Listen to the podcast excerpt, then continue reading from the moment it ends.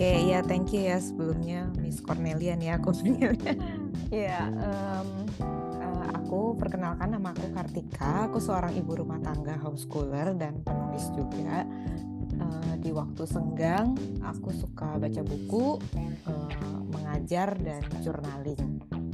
Anak aku satu dan aku domisili di Jakarta. Um, Ci Kartika, di sini kan di bukunya Cici ini ada banyak banget ya yang informasi ini gimana tuh kayaknya ini penting banget buat orang-orang terutama orang-orang yang kayak ngerasa hampa hidupnya kayak ngerasa kayak punya Tuhan tapi kok bingung gitu kan.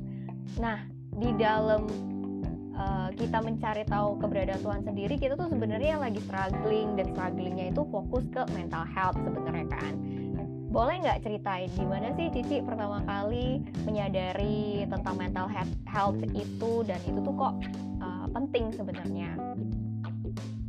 Oke, okay.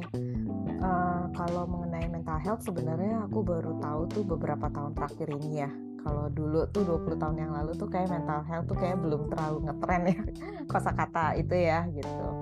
Uh, ya aku sih pertama kali itu uh, menyadarinya itu berapa tahun yang lalu dan ketika aku sudah menjalani terapi secara rutin dengan psikolog uh, selain aku berproses juga di sana aku jadi belajar sedikit-sedikit tentang ilmu psikologi ya gitu.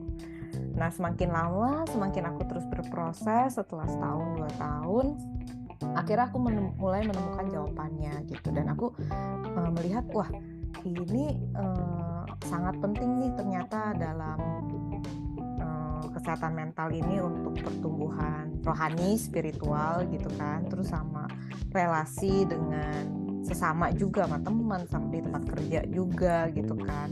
Terus juga terutama sebagai ibu ya, uh, sebagai ibu. Jadi orang tua lah ya orang tua ke anak tuh sangat sangat penting gitu menurut aku. Makanya uh, sekarang aku menyarankan hampir semua teman-temanku untuk untuk apa namanya untuk diterapi untuk ke psikolog. Uh, karena uh, setiap orang yang diterapi walaupun ah saya nggak merasa ada apa-apa nih gitu kan itu akan mendapatkan manfaatnya gitu. Okay. seperti itu. Dan kalau aku awal-awal berproses itu 20 tahun yang lalu sih. Sekitar 20 tahun yang lalu lah awal-awal mengenal gitu. Pertama aku uh, apa namanya waktu itu aku dikenalin sama mentor aku sama kakak rohani lah ya gitu. Kebetulan uh, dia punya temen di suatu gereja yang kebetulan konselor. Terus akhirnya aku dikenalin terus uh, aku konseling terus akhirnya diajakin ke kelas pemulihan. Nah aku waktu itu tuh kayak merasa gitu mungkin lagi dalam pencarian jati diri ya gitu itu kayak semua tuh kayak ada banyak konflik-konflik dalam batin aku gitu yang kayak e, kata Tuhan begini tapi kok kenyataannya begini? Terus aku begini pikirannya gitu. Jadi crowded gitu kan.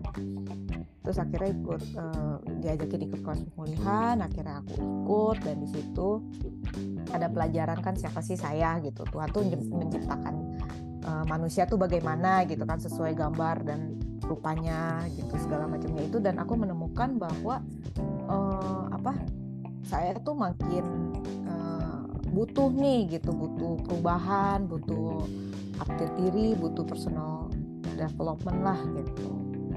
Nah terus akhirnya setelah ikut kelas pemulihan itu aku diundang jadi fasilitator di kelas pemulihan itu.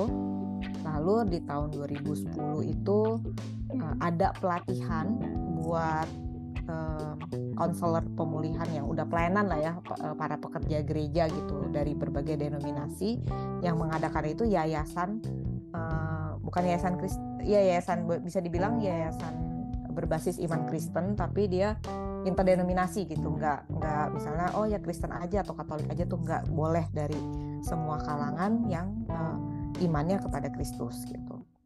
Nah saya pikir saya udah pulih dong udah ikut kelas udah pelayanan nih gitu kan eh ternyata uh, yang aku datang mau untuk belajar lebih lagi ternyata di situ Tuhan bukain lagi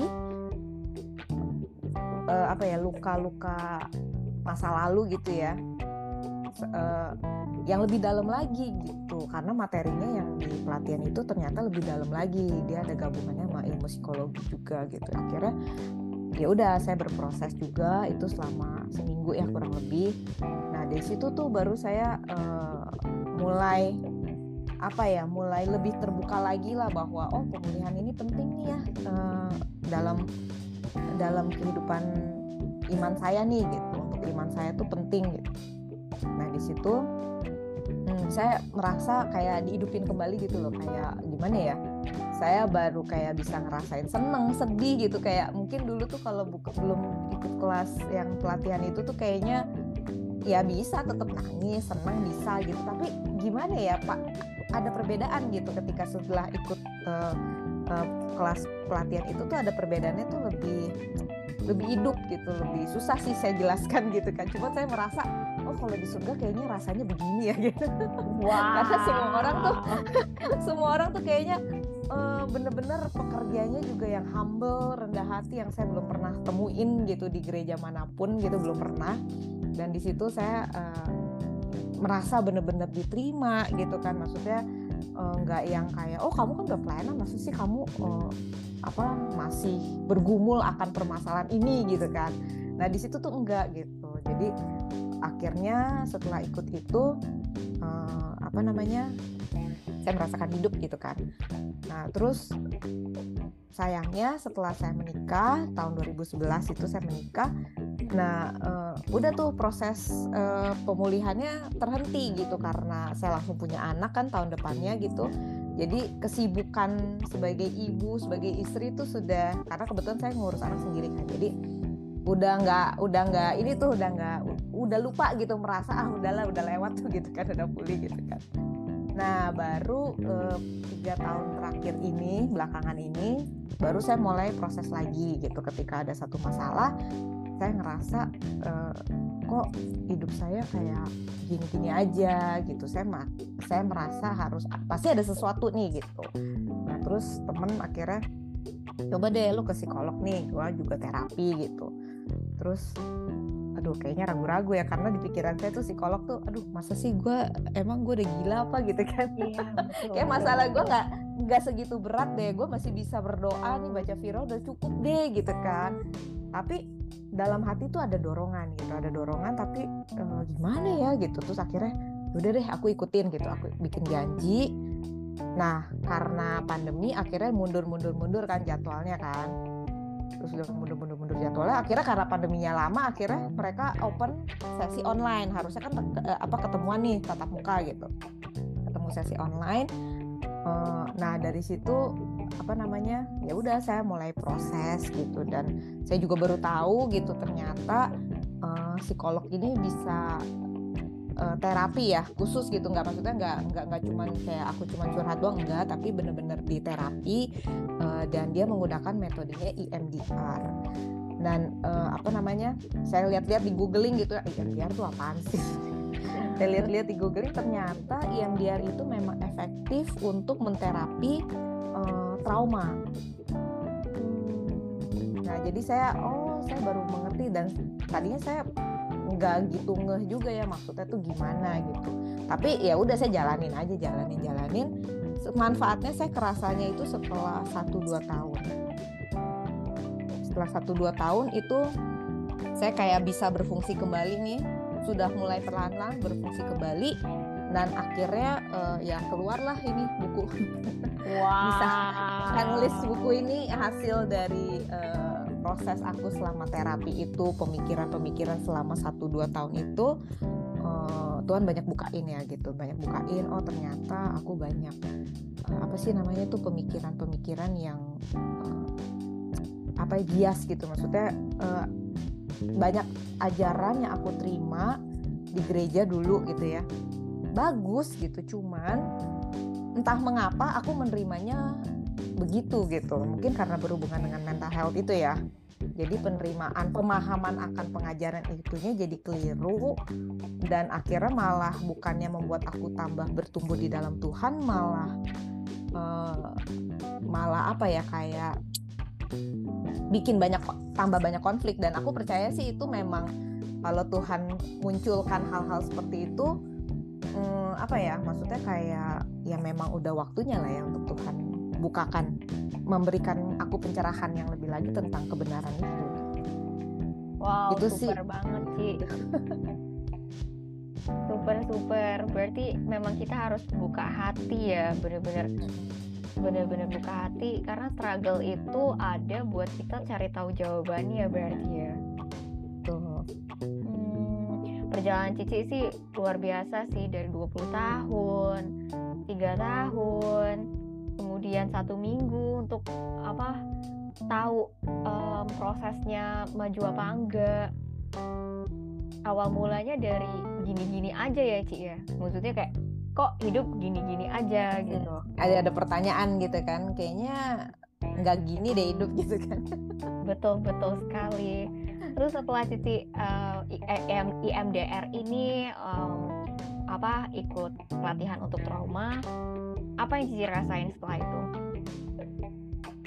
Uh, jadi aku mulai tuh bisa merasakan sensasi dalam tubuh aku gitu kan. Aku juga ada ikut beberapa kelas uh, mendewaskan emosi terus habit training maksudnya yang buat uh, parenting lah gitu kan. Nah dari proses terapi itu um, aku mulai bisa merasakan sensasi di dalam tubuh maksudnya yang tadinya tuh aku nggak ngeh gitu kan. Uh, aku bisa misalnya contohnya gini kalau aku ke trigger nih kayak kesel gitu ya kesel ya. Itu tuh dulu tuh waktu dalam masa-masa terapi tuh pokoknya kalau ada apa gitu ya topik atau perkataan apa yang men-trigger aku yang bikin aku kayak kesel gitu ya aku merasa kayak diserang gitu ya aku defense mekanismenya tuh langsung alert gitu kan langsung pengennya defense kan gitu. Nah di tangan di tangan aku terus di kepala tuh udah pasti penuh di tangan tuh udah kayak nggak keringetan tapi kayak orang gergetan gitu rasanya tuh begitu. Ada kayak aliran darah mengalir gitu tuh kerasa gitu. Panas gitu kan kesel gitu kayak gemeteran ada gemeteran sedikit gitu. Gimana sih kalau orang yang marah banget ditahan? Pernah lihat ya orang marah banget ditahan kan suka ngegeter dikit kan? Betul kayak gitu betul. gitu. Nah sampai kayak gitu yang pertama tuh aku nggak ngerti kenapa gitu kan Nah itu uh, ya udah setelah di terapi aku pikir masalahnya itu dong. Terus aku bawa dong ke ke karena aku rutin terapi waktu itu dua minggu sekali. Lalu jadi sebulan sekali, lalu tiga bulan sekali gitu. Cuman awal-awal sempet dua minggu sekali gitu. Intens gitu ya. Uh, apa namanya? Aku bawa dong. Aku kira masalahnya itu gitu. Ternyata waktu aku membawa uh, ini ada yang men-trigger aku nih gitu kan ternyata masalahnya bukan itu gitu. Ternyata masalahnya tuh lebih dalam lagi gitu. Malah go back ke masa aku kecil. Uh -uh, masa ketika um, apa namanya aku ditinggalin gitu. Nah dari pengalaman aku itu jadi aku ngerti. Jadi kayak aku kayak bikin teori sendiri gitu analisa kalau anak kecil ditinggalin sama orang tuanya maksudnya jarang ketemu gitu ya. Secara emosional juga nggak ada bondingnya gitu. Itu sangat ke efek nih ke si anak gitu.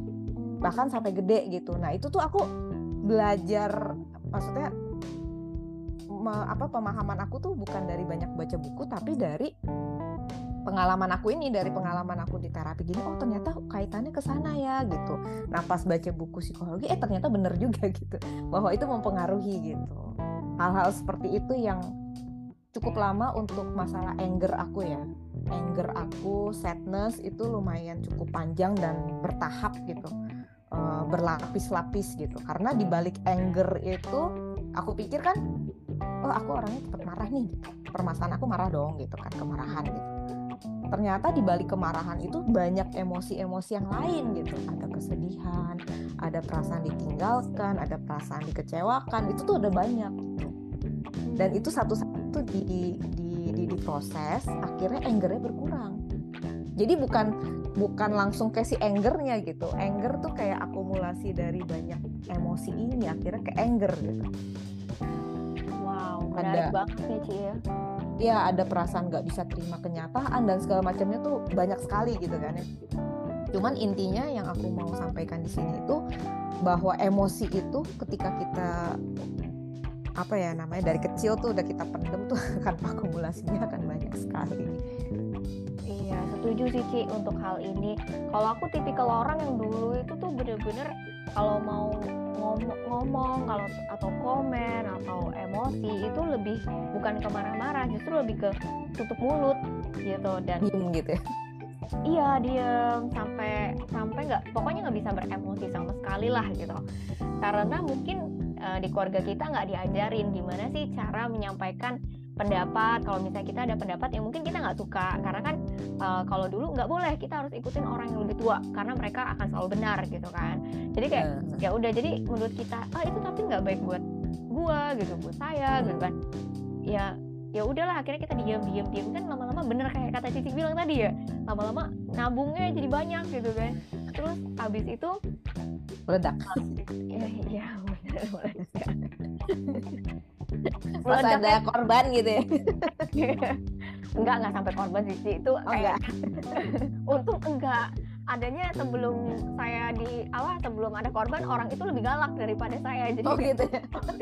Jadi shutdown jadi shutdown tapi emang bener sih jujur setelah udah belajar apa uh, jadi proses juga ya sih ya. Karena saya kan um, orangnya kan ditegur gitu maksudnya kayak ya kamu tuh begini begini. Jadi orang-orang yang mengkritik saya dulu saya nggak suka banget gitu kan apa sih? gitu kan. Tapi pas udah sejalannya ke sini saya ngerti oh ternyata kritik itu ada biar kita getting better gitu. Akhirnya ya belajar maksudnya kayak ah, kalau misalnya kita lagi nggak suka atau apa ya ngomong lebih enak ngomong dikit awalnya dikit dikit dikit banget sampai kayak ah ya udah akhirnya kontrol dikit dikit. Bisa sih tapi nggak sampai kayak kayak mungkin kalau psikolog uh, para psikolog kan mereka udah belajar caranya gitu. Kalau kita tuh masih kayak proses belajar lagi. Pelan ya. Iya betul. Makanya aku setuju banget sama Cici bilang maksudnya belajar itu ya jangan berhenti. Kayak Cici kan tadi sempat berhenti karena nikah punya anak gitu kan ya. Tapi ketika kita berhenti jadinya tuh kayak hilang arah gitu kan ya. Numpuk lagi. Iya bener numpuk lagi. Jadi kayak luka masa kecil tuh kayaknya kita maintain ya jatuhnya ya Ci ya?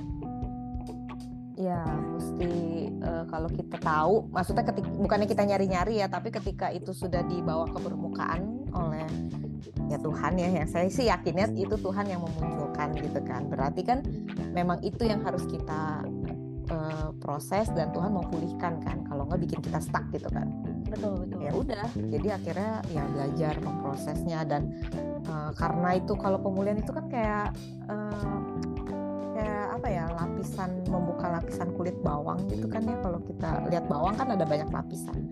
Jadi kadang-kadang isunya mungkin sama nih tentang identitas diri tapi e, bisa dari sisi yang berbeda. Jadi jangan ah ini kan waktu itu udah pernah ya. Masa sih gue masih menang sih? Nggak kayak gitu juga sih sebenarnya itu pemahaman yang salah. Jadi hmm, kalau dulu aku pikirnya gitu kan jadi ah aku masa nggak menang. Akhirnya uh, karena aku juga kelemahannya di mengkritik diri sendiri itu begitu kuat jadi ketika ada isu ini muncul lagi gitu kan hah gue masa sih belum pulih?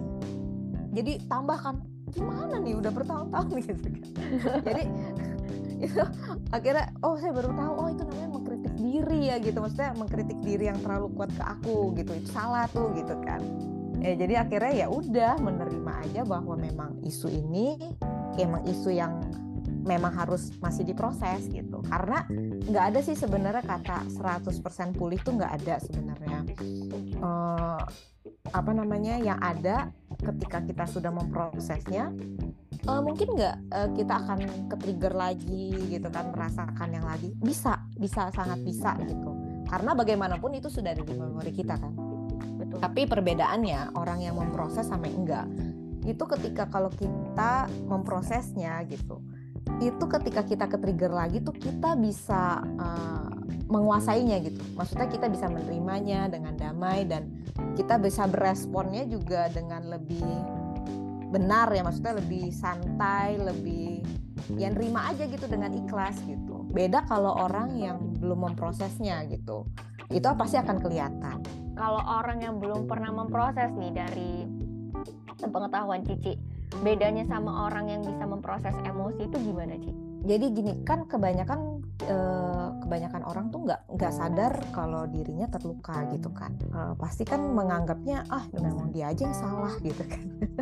Kalau kita ada konflik nih sama orang lain gitu kan. Eh, perbedaannya itu dia akan pasti selalu menyalahkan orang lain gitu. Kalau dia marah pun dia akan mm, "Ih, di- dia yang salah gitu saya yang bener gitu ngotot gitu. Padahal kalau terjadi konflik kan sebenarnya dua-duanya pasti ada andil kan, dua-duanya pasti ada salah gitu.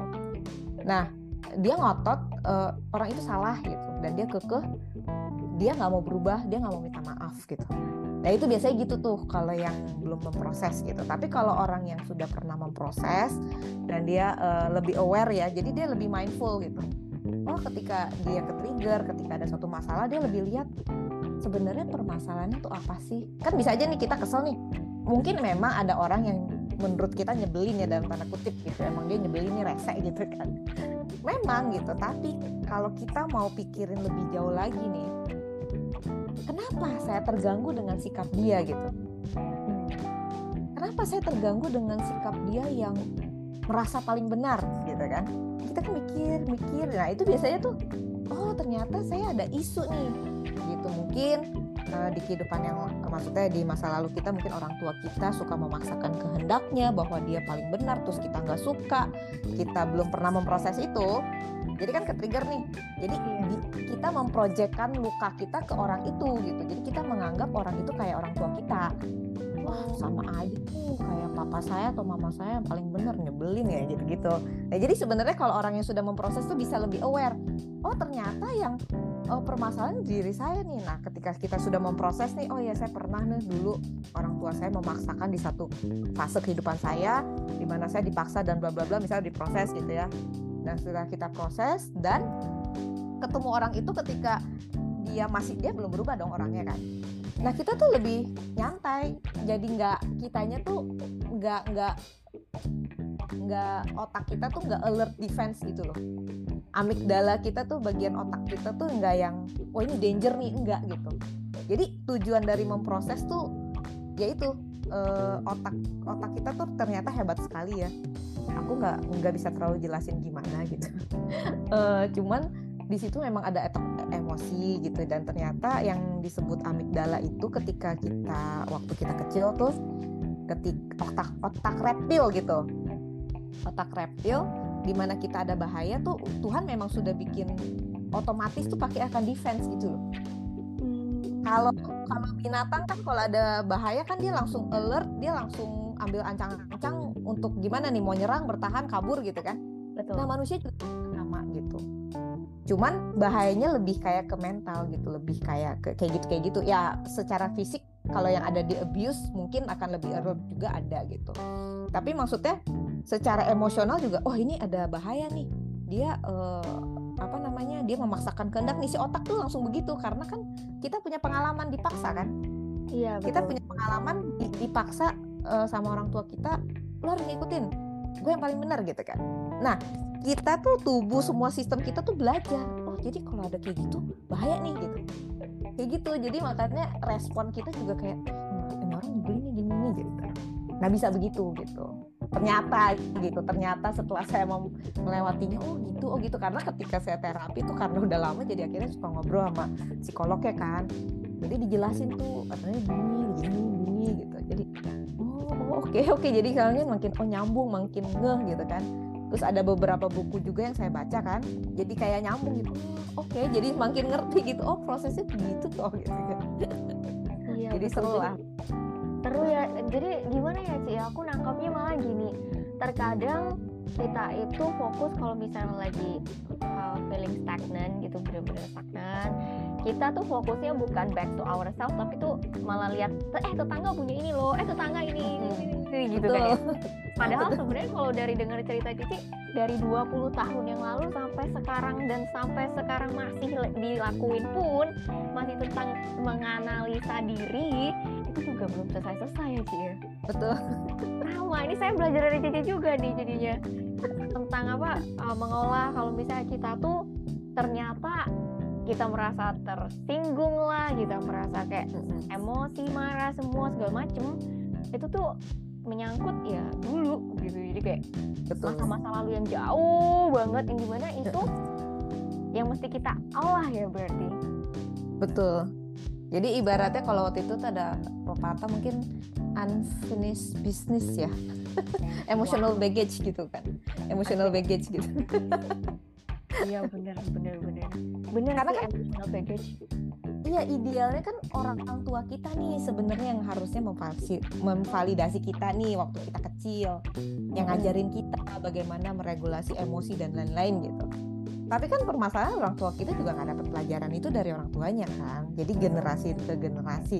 Nah ilmu pengetahuan juga belum begitu berkembang kan pada saat itu. Jadi ya mau nggak mau ya sekarang ya kita lah generasi yang belajar yang menjadi nerusin ke generasi berikutnya tuh ya kita yang paling ibaratnya paling babak belur tuh kita nih sekarang nih. Kalau kalau kita yang aware ya yang mau gitu melakukan bagian kita ini ya nanti ke bawah anak cucu kita akan lebih baik. eh, ya pasti ada lah ya tetap ada namanya manusia. Cuman maksudnya lebih agak ringan lah ya gitu. Kalau aku ngelihatnya bobotnya nggak separah di atas atas kita gitu Wow, super sekali Ci, sudah self aware jadi membantu generasi berikutnya yang mungkin di luar sana yang lagi membutuhkan juga eh, dalam keadaan posisi sama kayak apa yang Cici alami dan merasa terbantu juga dari ceritanya Ci Kartika. Nah, aku tuh baca dari bukunya Cici nih tentang mengakui emosi. Mengakui emosi atau sesuatu yang terluka.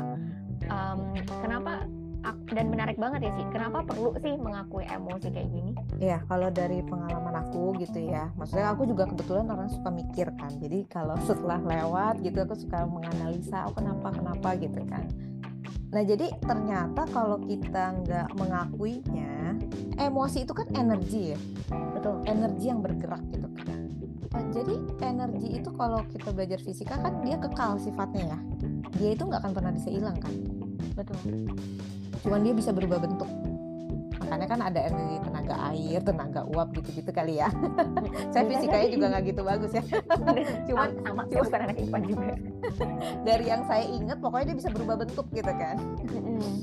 Nah, nah itu tuh kalau kita nggak akuin gitu, itu akan apa ya namanya tuh kayak akan mendorong, nah bukan ya kayak nagih lah ibaratnya kayak mengetuk-ketuk selalu gitu, akan ben- nanti bisa ini kayak memendam lah ya kita bilangnya ya kalau kita nggak mengakui berarti kita mendem kan. Bener-bener. Itu tuh kayak dipendem, kita pikir udah nggak apa-apa nih gitu kan. Ternyata dia lagi berjalan ke mana kayak gempa bumi kan kalau ada patahan-patahan itu tuh dia lagi jalan ke mana gitu kan.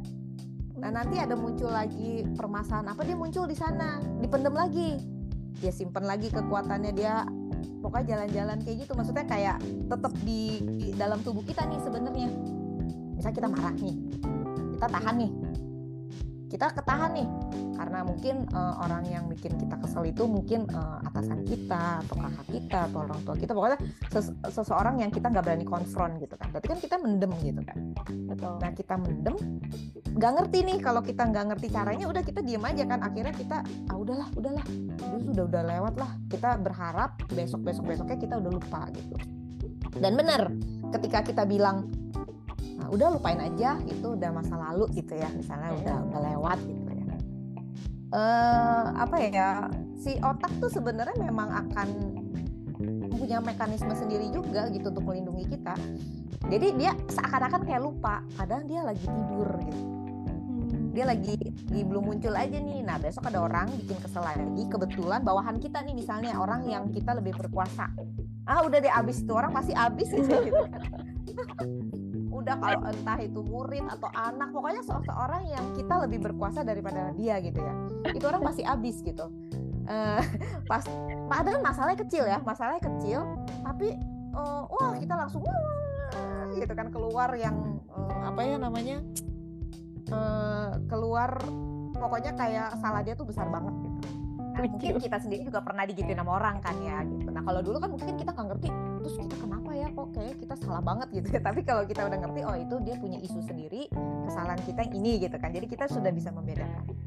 Nah kayak gitu kalau orang eh, nggak mau mengakui, ak- nanti dia akan muncul di tempat yang lain gitu. Dan kekuatannya lebih besar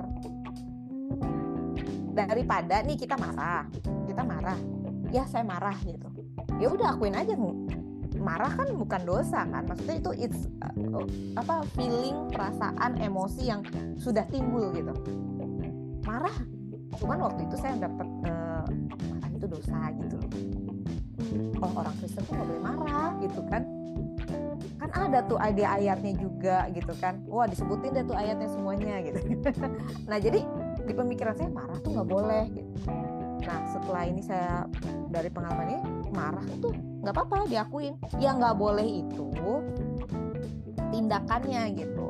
Misalnya tindakan kalau kita marah kan kita pengennya misalnya mukul orang atau berkata-kata iya atau berkata-kata yang tidak baik kepada orang itu gitu. Nah itu yang nggak boleh kan gitu. Jadi kalau kita marah ya kita akuin kita marah. Caranya gimana?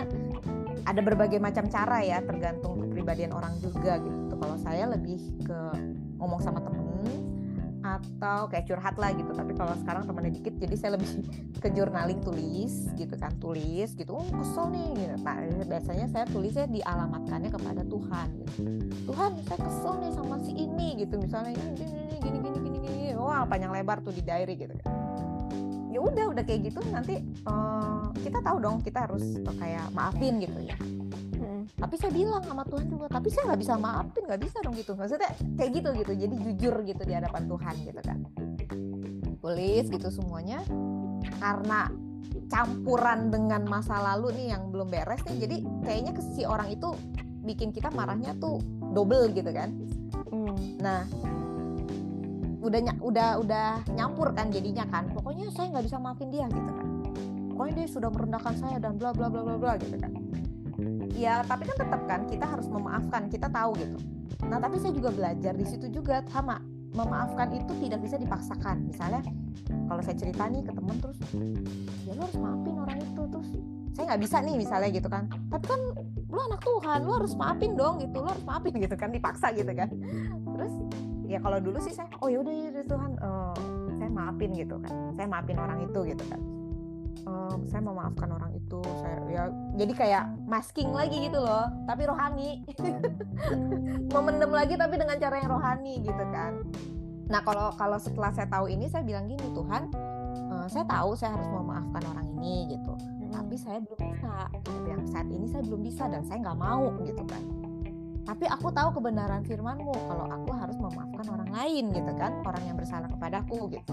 Tuhan tolong saya gitu kan untuk aku bisa memaafkan orang itu bisa kadang-kadang di saat itu juga Roh Kudus bekerja melembutkan hati saya akhirnya saya bisa memaafkan orang itu ya Tuhan saya mau gitu kan.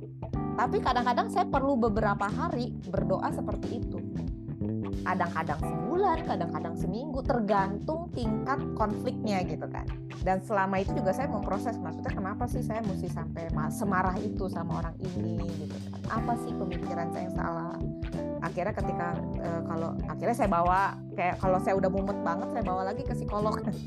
Ceritain tuh gini gini gini gini. Oh ternyata pasti proses oh akarnya di sini gitu. Pemikiran saya yang bias di sini. Ya, akhirnya saya membantu saya bisa memaafkan gitu setelah memproses itu semua akhirnya membantu memaafkan jadi memaafkan itu tidak sesimpel yang oh kan kamu udah anak Tuhan nih udah punya roh kudus di dalam. Kamu pasti bisa maafin orang. Tidak sesimpel itu juga. Makanya tergantung case by case juga karena background orang kan berbeda pengalaman berbeda. Jadi nggak bisa kayak oh dia nggak bisa ya ya kalau gue mau masalah kayak gitu kok gampang lo orang itu. Nggak bisa begitu gitu kita terhadap orang lain ya. Kalau kita nih dengerin curhat orang lain kenapa sih lu nggak bisa maafin orang itu gitu kan? Susah banget sih bagi lu kan cuman gitu doang gitu kan cuman gitu doang gitu. Nah itu kan nah cuman gitu doang kan tidak memvalidasi uh, orang yang mengalaminya kan? Betul betul. Memperkecil gitu. Bagi dia gitu doang. Ya dia kan punya masa lalu lu nggak tahu gitu kan. Betul nah betul. jadi akhirnya aku belajar uh, aku belajar untuk uh, melihat orang berempati untuk nggak nggak judgmental kayak gitu gitu. Bahwa oh dia kan udah pemimpin atau apa kok nggak bisa? Nggak nggak kayak gitu. Kalau dulu aku begitu ya. Sebelum aku berproses tuh aku nggak ngerti kenapa sih dia masalahnya muter-muter di situ? Gitu. Kenapa sih begini kenapa begitu? Nah, tapi setelah setelah aku berproses sendiri gitu ya terus Tuhan banyak bukakan itu uh, aku jadi lebih bisa empati gitu kita bisa lebih mengerti oh ternyata ya uh, saat ini yang yang nggak apa-apa juga kalau dia belum bisa gitu. Karena memang soal memaafkan itu tidak semudah yang diucapkan tentang memaafkan gitu. Maksudnya kan tidak sesimpel ya udah maafin aja gitu. Maksudnya di firman walaupun itu firman Tuhan ya bahwa kita harus menaati firman gitu kan tapi uh, forgiveness yang dipaksakan itu uh, benar-benar kita membuat diri kita jadi benar-benar tulus memaafkan gitu. Tapi uh, karena dalam kita memaafkan itu kan nggak bisa gabruk gitu ya maksudnya semua permasalahan tuh sama gitu muatan emosinya. Ada berbeda-beda dan ada banyak emosi yang harus diproses dulu tuh. Tergantung. Misalnya kalau korban abuse gitu kan. Nggak bisa dong kita kayak nyaranin udah maafin aja orang yang abuse kamu gitu yang melecehkan kamu. Kan nggak bisa begitu ya kita nggak ngalaminnya gitu kan. Nggak bisa semudah itu dan jadi kan kita tidak berada di posisi si yang mengalami gitu kan seperti itu. Dan betapa sulitnya dia dia mungkin nggak mau memaafkan juga gitu. Dan itu pun Tuhan mengerti kan gitu. Nah, siapa kita yang memaksakan dia untuk memaafkan gitu. Toh balik-balik lagi yang bisa mengubah hati kita kan Tuhan. Jadi kalau kejadiannya sama diri kita, kita nggak bisa memaafkan orang lain gitu. Ya kita bilang sama Tuhan, Tuhan aku nggak bisa maafin orang ini gitu. Aku tahu firmanmu begini gitu, yang harus memaafkan, aku nggak bisa gitu. Tuhan tolong saya ya entah nanti Tuhan yang memproses hati kita akan melembutkan hati kita yang akhirnya kita bisa memaafkan orang gitu. tapi itu proses gitu ada juga yang ada kejadian yang kita bisa dengan mudahnya memaafkan ada jadi nggak bisa dipukul rata gitu setuju sih Ci. jadi kita juga nggak nggak bisa juga kayak menyepelekan kalau misalnya mereka tuh lagi struggling untuk memaafkan dan kita bilang ya cuma masalah segini doang jadi kayak kita iya. meminimalisirkan yeah. ya dan jatuhnya uh, uh, yang dia rasa gitu pak nggak divalidasi gitu betul betul. Tapi walaupun kita juga tahu kalau misalnya berlarut-larut di emosi itu juga merugikan diri kita Gak baik buat dia. Mm-mm, bener betul. banget.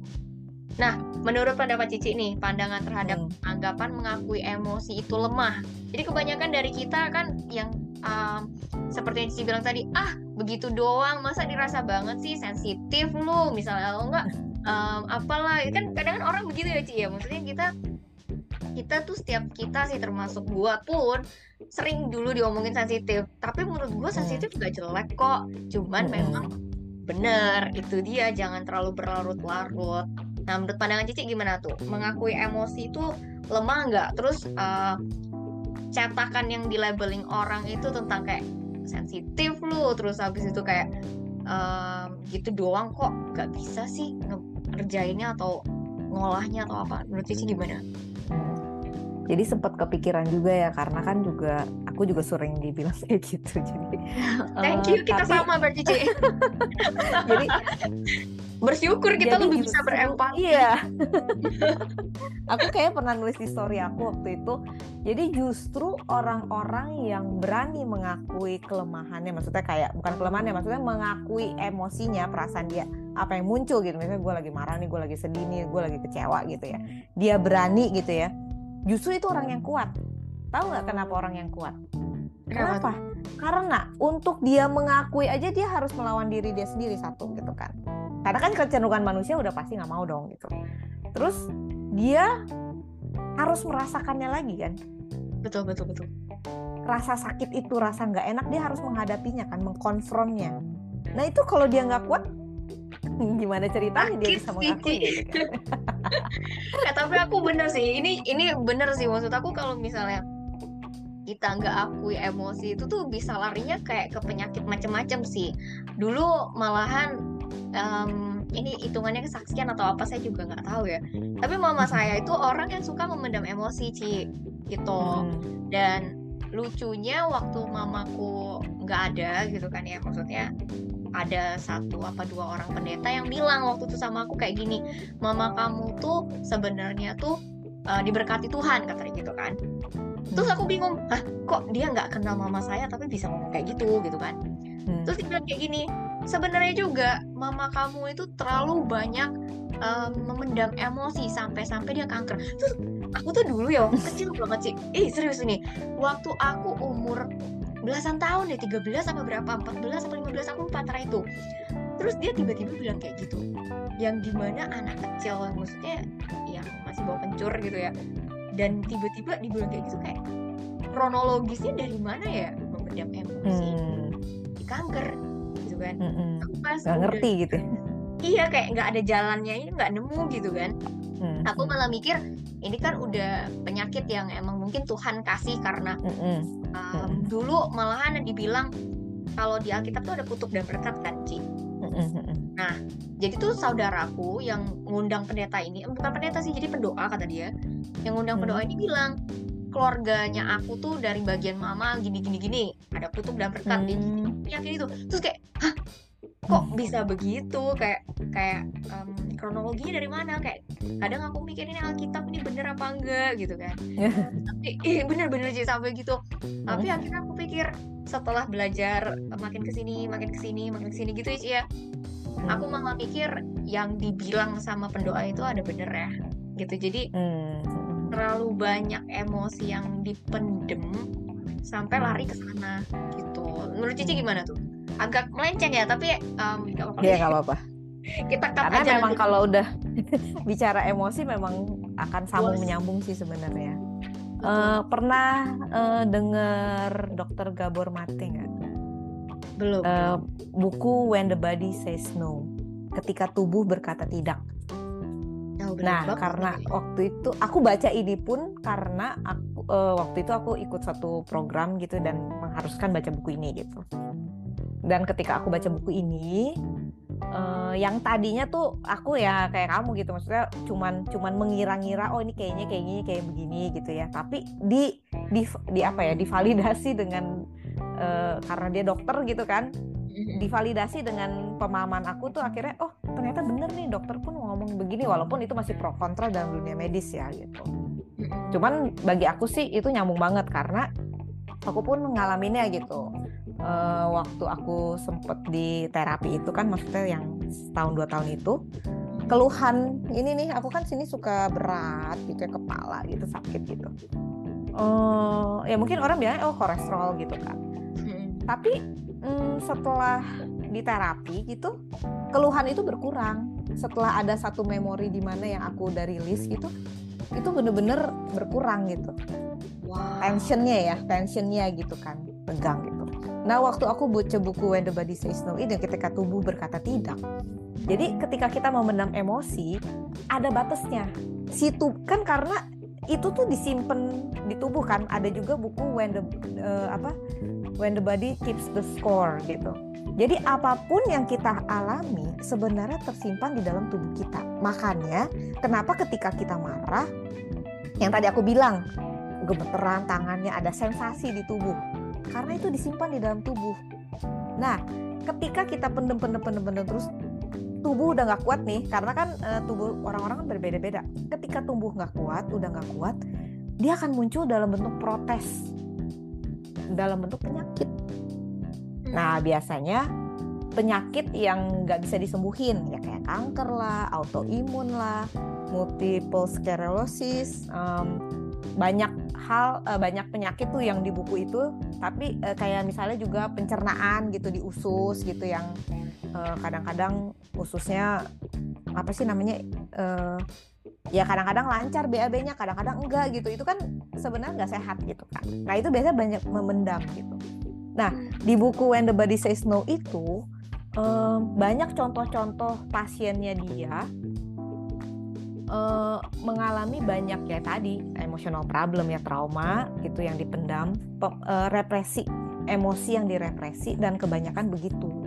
Akhirnya dia bikin research gitu kan. Nah, yang paling bikin aku ini tuh contoh-contoh dia tuh kayak gini. Ada nih eh, karena orang tuanya sangat dominan, si anak ini tuh jadi anak yang good girl gitu atau good boy gitu. Eh, jadi terlihat baik di di depan orang tuanya gitu kan.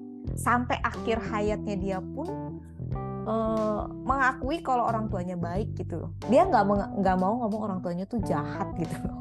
Hmm. Karena ternyata dalam bidang psiko, eh, dalam ilmu psikologi tuh bagi diri anak gitu, di dalam diri anak nih, dia tuh nggak bisa ngelihat orang tua tuh jahat. Anak kecil nih, mau pernah lihat nggak orang mau diomelin kayak apa pun si anak pasti nyari mama papanya pernah lihat nggak? Mamanya jahat nih mukulin atau marahin. Tapi si anak balik lagi ke mamanya gitu. Kecuali beda ya kalau dia udah remaja. Ini kita ngomong anak-anak uh, yang di bawah tujuh tahun ya di bawah remaja lah. Mm-hmm. terutama di di bawah tujuh tahun lah. Pernah kan lihat kan? Walaupun mamanya jahat kayak gimana pun di si anak tetap nyari mamanya kan? Mm-hmm. karena dia pernah pikir lihat nggak kayak gitu? Iya sebenarnya ternyata jarang ya? Iya ter- ternyata yang pernah aku baca itu eh, di dalam dia tuh nggak bisa ngelihat orang tua tuh jahat gitu. Jadi di pandangan dia tuh begitu gitu. Jadi ketika dia terluka pun apa segala macam tuh dia nggak ngelihat itu gitu. Viewnya. Yang terbentuk dalam benak si anak ini gitu kan. Nah jadi eh, kebanyakan penyakit-penyakit yang dialami oleh pasiennya itu ya kayak autoimun yang nggak yang nggak bisa disembuhkan gitu kan. Terus di- udah dicek ke dokter ke mana-mana nggak tahu penyebabnya apa gitu karena mungkin darahnya apa segalanya normal gitu loh. Nah itu ternyata ketika dia ajak ngomong di konseling ternyata isunya di hubungan dengan orang tuanya kebanyakan secara emosional gitu. Tapi dia memendam itu dibedakan di dalam keluarganya. Jadi pas saya baca buku itu tuh yang kayak ngeri sendiri nih kalau lu nggak berproses nih. lu Oh, kalau lu oke. nggak proses nih badan lu bisa bentuk dalam penyakit amit-amit gitu kan. amit amit amit amit jadi akhirnya eh, apa namanya ya udah gitu karena udah tahu pun jadi ya udah kan jadi lebih eh, apa ya semakin eh, meyakini harus berproses gitu Mbak. walaupun nggak enak nih gitu. Walaupun nggak enak ya benefitnya kan kita juga yang ngalamin gitu kan. Secara Betul, tubuh betul. juga lebih sehat secara mental juga sehat kan gitu. Seperti itu sih saya setuju sih Ci. Em, apa namanya jadi kalau misal kalau kita sakit hati nih sama orang itu pasti sakitnya tuh entah bisa ke mana-mana. Maksudnya eh, ini. iya. Eh tapi kalau dulu aku ke sini kalau aku dulu ke sini kayak sakit gitu kan. Tapi kan oh di menjem sini ya? Iya jadi tapi sekarang udah enggak sih puji Tuhan ya. Jadi kayak susah nafas gitu kan. Itu Eh, sesek ya? sesek, sesek, sesek. tapi proses lah Ci. Itu bener-bener parah banget sih. Mesti bener terus juga. aku pernah Nah, aku pernah di pro- eh, waktu aku proses ya. hmm, Ini aku bagian pengalaman aku ya. hmm, Eh, waktu itu aku pernah nggak tahu nih kenapa ya. Pokoknya kayak di dada tuh full gitu ya. Tapi aku nggak tahu mau nangis nggak bisa, nggak ada pikiran apa apa gitu. Nah, waktu di proses terapi ngobrol dong, ngobrol. Terus eh pas ngobrol-ngobrol pokoknya ada satu isu gitu ya. Terus tiba-tiba waktu aku cerita aku nangis. Terus leher aku kayak kayak orang kecekek sakit banget. Sakit banget aku pegang gini aja sakit. Terus terus terus. Terus nelen aja sakit jadi kayak radang gitu. Kayak radang tenggorokan tiba-tiba. Eh, ininya terus aku berasa dada aku plong pindah ke sini kesannya jadi ini kayak menyempit gitu. Nah itu tuh karena ada emosi yang aku pendam. Ya aku nggak bisa ngomong. Nah pas aku sudah proses ya hilang gitu karena kan sudah bukan radang kan gitu. Jadi maksudnya respon tubuh tuh bisa seperti itu memang.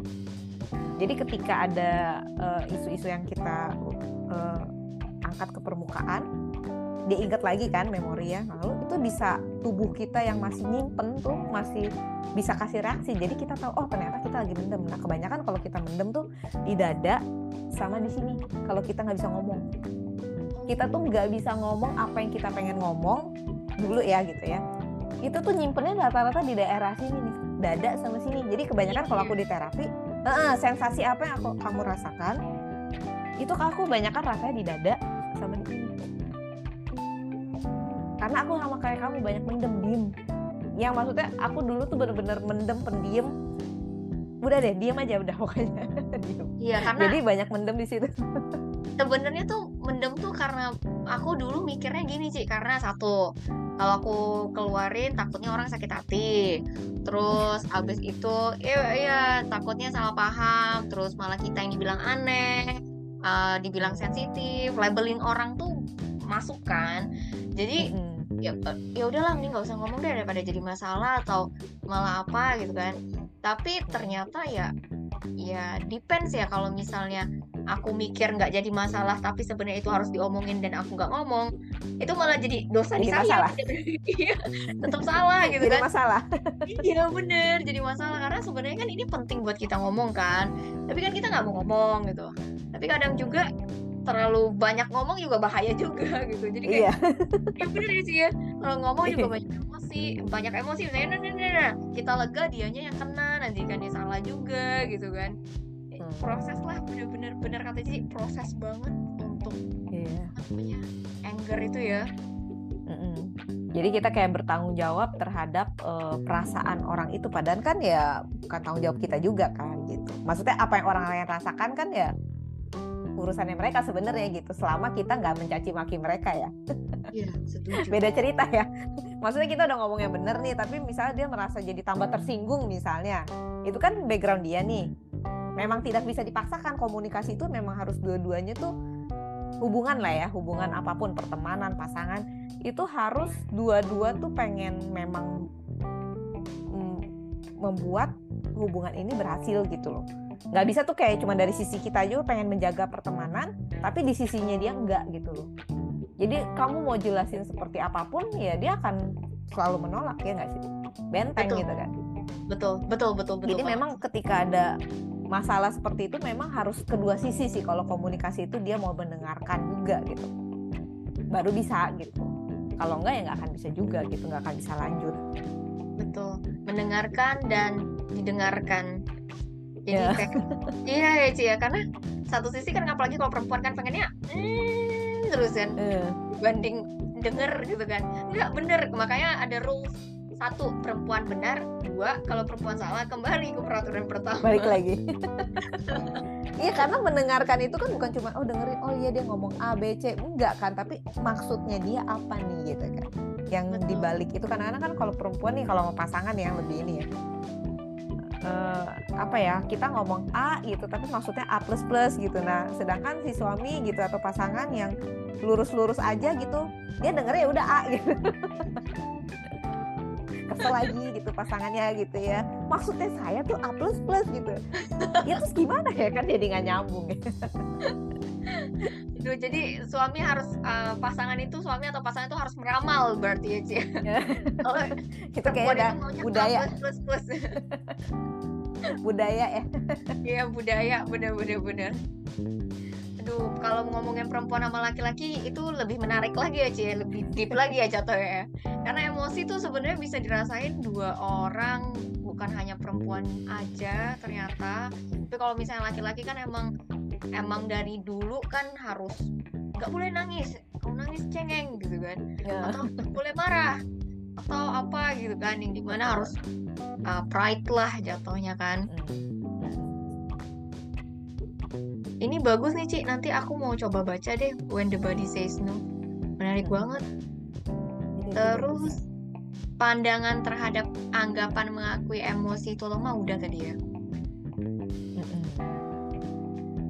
Nah, ini Ci yang menarik uh, pertanyaan selanjutnya. Perasaan menjadi pelayan Tuhan tapi kelelahan bukan uh, bahkan melupakan apa yang lebih penting gitu karena aku juga ngal- ngalamin lah ibarat kata hal-hal kayak gini kan kita hamba Tuhan, kita melayani Tuhan gitu kan. Uh, kita berdoa juga setiap hari rajin bahkan kan.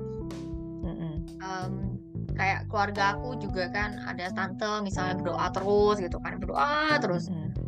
Tapi bingung juga gitu. Dia berdoa sifatnya sama aja misalnya gitu kan. Tidak memberikan kebaikan Hmm. untuk orang lain atau bahkan mm, bikin sakit hati gitu kan atau apa gitu. Tapi dia tetap rajin berdoa segala macam kan.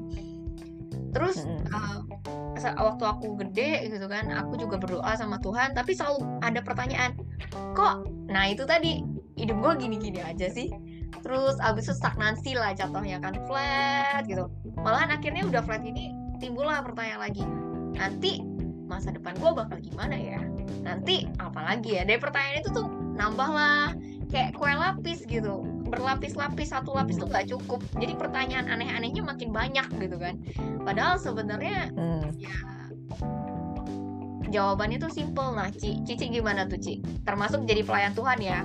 Dalam artian kita bener-bener jadi murid Tuhan kita berdoa kita ikutin firmannya. Ternyata yang Cici bilang tadi oh ada yang kutipan ayat yang sebenarnya tuh bukan itu maksudnya jadi kayak anak Tuhan gak boleh marah loh ya bukan itu maksudnya ini juga sama kan kita melayani Tuhan kita berdoa ke Tuhan tapi kok malah jadi pertanyaan itu banyak gitu kayak berlapis-lapis gitu Cici gimana nih? Hmm, ya mungkin kamu seperti saya juga suka mikir. Ya, ya saya juga. Ya ini ini sempat, sempat saya pikirkan juga. Cici, tapi ini serius ya Ci ya. Pertama, semua penulis itu orang yang suka uh, berpikir. Terus kedua, kayaknya semua orang pasti berpikir pertanyaan yang sama deh mau dia slightly atau yang deep gitu kan kalau Cici sama aku tipenya deep berarti ya jadi maksudnya kayak, kayak ya pertanyaan apa ini harus jawab nih apa gitu ya oke okay. silahkan Ci nah aku juga lumayan eh, waktu itu sempat pikir ya maksudnya kenapa ya? Ini maksudnya gue ngeliat uh, orang Kristen pada umumnya dan ke diri gue juga gitu ya. Kenapa ya? Uh, ada orang rajin baca firman doa gitu pelayanan gitu ya tapi kok oh, sifatnya kayak iblis gitu ya? Maksudnya maksudnya jadi kayak uh, topeng gitu kan jadi kayak pakai topeng gitu kan? Kayak kalau di hari Minggu tuh jadi malaikat dari Senin sampai Sabtu tuh jadi iblis gitu kan kesannya gitu itu ekstrimnya ya itu ekstrimnya gitu. Memang tidak ada orang yang sempurna gitu. Gue juga bukan bilang oh gue juga baik gitu ya. Cuman maksudnya ternyata ternyata itu pemahaman gue ya gue lihatnya gini. Jadi ketika kita uh, banyak luka nih yang kita nggak beresin itu mempengaruhi nih ketika kita uh, mengenal Yesus sebagai Tuhan dan Juru Selamat itu tuh ibaratnya Tuhan tuh udah ada di dalam kita benih gitulah benih gitu ya kayak kita tuh kenanam tanaman ada biji gitu karena itu tuh ada benih di dalam diri kita nah permasalahannya itu setiap manusia itu punya free will. Tuhan itu nggak akan pernah bisa maksa kita. Kalau kita nggak ngizinin, Tuhan masuk nih di dalam jiwa aku yang ini gitu ya di kamar emosi aku yang ini. Nah Tuhan tuh nggak akan masuk ke sana. Tuhan bisa memunculkan kejadian-kejadian dalam hidup kita yang bikin kita ngeh bahwa kita butuh Tuhan di area ini gitu ya di area emosi ini gitu. Tapi selama kita nggak ngizinin Tuhan mengubahkan kita, dia nggak akan ngubahin kita gitu.